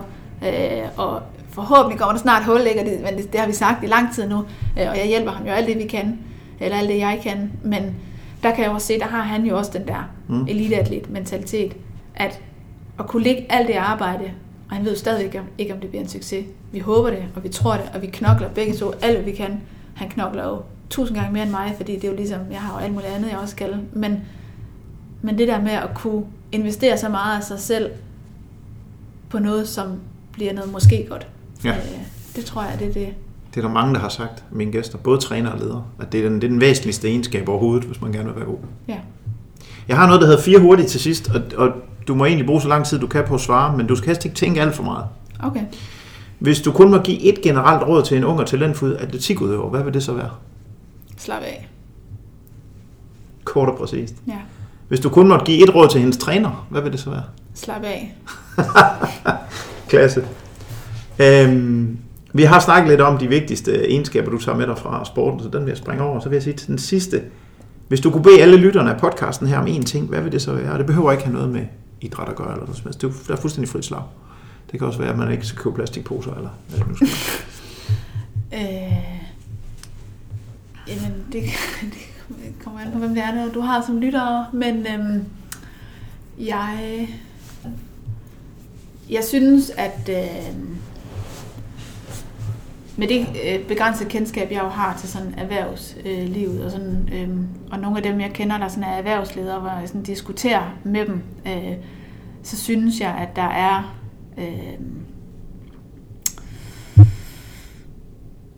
Jamen, der er, jamen, jeg har lyst til at sige slap af igen. Altså sådan, øh, nogle af dem, jeg kender, som er, rigt, som er højt på strå inden for forskellige brancher, altså de arbejder jo solen sort, og de skærer jo på deres... Altså der er nogle de sover nærmest ikke, og de sender jo mails ud klokken 4, og jamen det der med, altså de, de kører deres liv så stramt, øh, og så skal de også løbe Ironman, så altså det der med sådan, at alle snore i alle facetter af ens liv bliver holdt bliver spændt, altså spændt så hårdt, at der slet ikke er plads til fejltrin. Mm. Øh, og det kan man ikke være i som menneske. Så det der med både sådan som, som chef, om at kunne, altså kunne turde give sig selv ligne, men også det der med at kunne turde give sine medarbejdere ligne, og have en Mm. forståelse for, at lige præcis less is more. Det kan det i hvert fald være. Altså den der med at vil have folk til at hele tiden at løbe 5 km mere, men det, det kan man ikke. Altså, Mm. så, så knækker man. Så den der med at, at, at tro på, at ved at, at, at give folk altså give folk mulighed for at sænke skuldrene, Mm. jamen så, så får man et bedre resultat. Altså det er jo det, jeg kan se, ved jeg kunne sænke mine skuldre, træne lidt mindre, jamen, så giver man høj intensitet, så får man et bedre slutresultat. Um, og det jo også det, nu svarede jeg så lidt kort på de der første to, at man skal slappe af. Men, Men det er virkelig kan- også det, du siger nu, ikke? Slap ja, af. Ja, jamen, og det er, og det er jo fordi, det er jo den måde, jeg lever livet på. Jeg er sådan lidt ro på. Altså, alt skal ikke være 100%. Mm. Din samlede dag skal være 100%. Din træning kan ikke være 100%, fordi så har du ikke noget tilbage til øh, resten af din dag, din familie, Mm. øh, din øh, cykeltur hjem ned ad han. Altså, sådan, så er der ikke, der er ikke noget tilbage. Øh, så hverdagen skal give 100%, og nogle gange kan træning fylde 30, og nogle gange kan den fylde 70. Det kommer an på, hvad man ellers har i, øh, i sin hverdag. Man skal give så meget, man nu kan til træning, men man skal ikke altid forvente, at det skal være Mm. fuld plade, fordi det er det ikke. Fordi du er jo, altså du er jo hele dit liv. Øhm, og jeg synes virkelig tit, sådan, der er mange unge atleter og deres øh, trænere, som jo går, og forældre i virkelig høj grad, som går afsindig meget op i det. Altså, hvor det er meget professionelt fra en meget ung alder. Og der bliver jo købt personlige træninger til diverse fodboldspillere. Altså, hvor, jeg har fået så mange mails fra. Kan du ikke lige komme ud af min 12-årige dreng og lave hurtighedstræning? Jeg var sådan lidt, det kan jeg love for, jeg ikke vil. Nej, slap af. Ja, jamen altså virkelig, du skal nok nå det. Det handler, det handler mere om det her med at få lært børnene at indgå i et fællesskab og lære dem at takle modgang. Lad dem, lad dem tabe de kampe, fordi de er pisse dårlige. Altså sådan, lad dem nu få de slag, øh, og lad dem, altså, og hjælp dem, men ikke gør det for dem. Hjælp, lær dem, hvordan de rejser sig. Fordi lærer de ikke det, det er jo det, der jeg synes, jeg kan se, der er udfordringen, det er jo, at det bliver så præstationsoptimeret for tidligt. Så de der øh, donk, man jo får, når man er en amatør, som man jo skal være, når man er barn, øh, og hvor man netop fejler, fordi man jo overhovedet ikke er skolet, jamen, det lærer man jo ikke, hvis det bliver for, for perfekt og for professionelt fra start. Mm. Altså sådan, og sådan, altså, jeg, nede i vores egen klub, børnene, de skal gå på de der fælleshold. De må ikke bare gå til sprint, eller bare gå til, de skal gå på det, også som de ikke gider. Altså, fordi det er ligesom en del af, fordi det er jo også en del af sådan en helt kropslig og mental sådan uddannelse, fordi du skal også støde kulstød, både fordi det er godt for din krop, men fordi det er rigtig sundt for dig, Mm. at du laver noget, du er pisse dårligt til. Og det er ikke sjovt mentalt, men det er jo en del af processen, for ellers så kan du ikke rejse dig, når du er 25. Så den der med sådan at have så forståeligt, slap nu af. Vi skal ikke være gode, når vi er 18. Mm. Være gode, når du er 30. Og hvis du brænder dig selv om, så er du der ikke, når du er 30. Så sådan ligesom, få nu sænket de skuldre, og lad nu de børn kage rundt. Fordi ellers så gider de ikke. Altså, så stopper de, når de er færdige med gymnasiet, sådan, fordi det er meget nemmere at lade være med at lave sport. Øh, fordi at hverdagen kan være presset. Men hvis man ikke har lært den her arbejdsmentalitet, og netop det her med at kunne ligge et stykke arbejde uden at vide, og at man får noget igen, og at man kan falde 10 gange, men man rejser sig op 11. Men hvis man ikke lærer det, jamen, så, så stopper man da. Synes, Altså, og hvis man tager, altså, hvis det bliver for seriøst for tidligt, så har du ikke fået opbygget hele den her glædeskapital og en kæmpe bankopsparing med sjove minder, Mm. som du netop tager af alle de gange, hvor det regner, når du er blevet øh, voksen og lever et, et kedeligt og seriøst liv, hvor træning nogle gange bare sådan er noget, der skal gøres, så hæver du i den der øh, kæmpe opsparing, og hvis den ikke er lavet, så kan det godt forstå, at folk de løber tør for motivation. Jeg synes, det er meget passende, at vi slutter af med et, øh, med et opråb, både til erhvervsledere og til, og til forældre, og i virkeligheden vel også til unge udøvere. Ja, i høj grad. Men Fremragende. de er jo produkt af deres forældre. Så, ja. Det har, været, øh, det har været lige så spændende, som jeg havde håbet på, og jeg havde høje forventninger. Så du skal have mange tak, Sara. Jamen. Hvem synes du, der skal være min næste gæst? Jeg havde lidt overvejet ham, der, ham, der kiggede ind og bad om Ja, Lars. Volvo-nøgle. Men øh, har du andre sådan, øh, fra sportens verden, du tænker, det kunne være spændende at spørge om, hvad de har lært? Ja, altså jeg synes jo, min egen træner er også et rigtig godt bud, fordi han har også været ude i, øh, i erhvervslivet, men øh, Lars er jo, han er jo et ikon i dansk atletik. Øhm, mm, men jeg synes jo altid, det er spændende at høre. Altså, det kunne jo også være øh, atleter, der har indstillet deres karriere efter sidste OL, som har lavet den der transition. Mm? øh, tænker jeg, er jo sindssygt spændende, øh, hvordan man griber det andet. Fordi der bliver det jo lige pludselig mere håndgribeligt, hvad man, hvad man så har lært som sportsøver. Mit det er jo bare gætteri, Mm? fordi jeg er jo stadigvæk i det. Jeg tror bare, det er det, jeg har lært. Øh, men der må være, dem, som allerede er kommet ud på den anden side, de må, de må have noget erfaring, tænker jeg. Den allerførste podcast, jeg lavede for 13 måneder siden, det var med Victor Feddersen. Der snakkede ja. vi rigtig meget om det der. Så den, øh, den kan jeg anbefale. Ja, Men ellers så tror jeg måske, jeg vil tage fat. Det kunne også være, man kunne lokke Lars og Mikkel til, at, at vi lavede en med dem begge to. ja det, øh, de er travle mænd, Ja. men øh, det må, øh, Så kan godt være, at det skal være en time i stedet Ja. for halvanden. Men, men tak, fordi du var med i hvert fald. Det var en kæmpe var fornøjelse. Og tak til dig, kære lytter, fordi du lyttede med. Lærer af sporten er tilbage med flere gæster fra sportens verden ganske snart.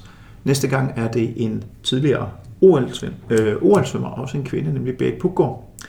Sportens indgangsvinkel til medarbejderudvikling og lederudvikling er generisk og kan overføres til alle typer virksomheder. Så hvis du vil vide mere om, hvordan din arbejdsplads kan arbejde med organisationsudvikling, ledelse og personlig performance med udgangspunkt i sportens verden, så skriv en mail til mig. Du kan skrive lær sporten ind på Google, så kommer der alle mulige kontaktinfo op. Tak fordi du lyttede med. Vi høres ved.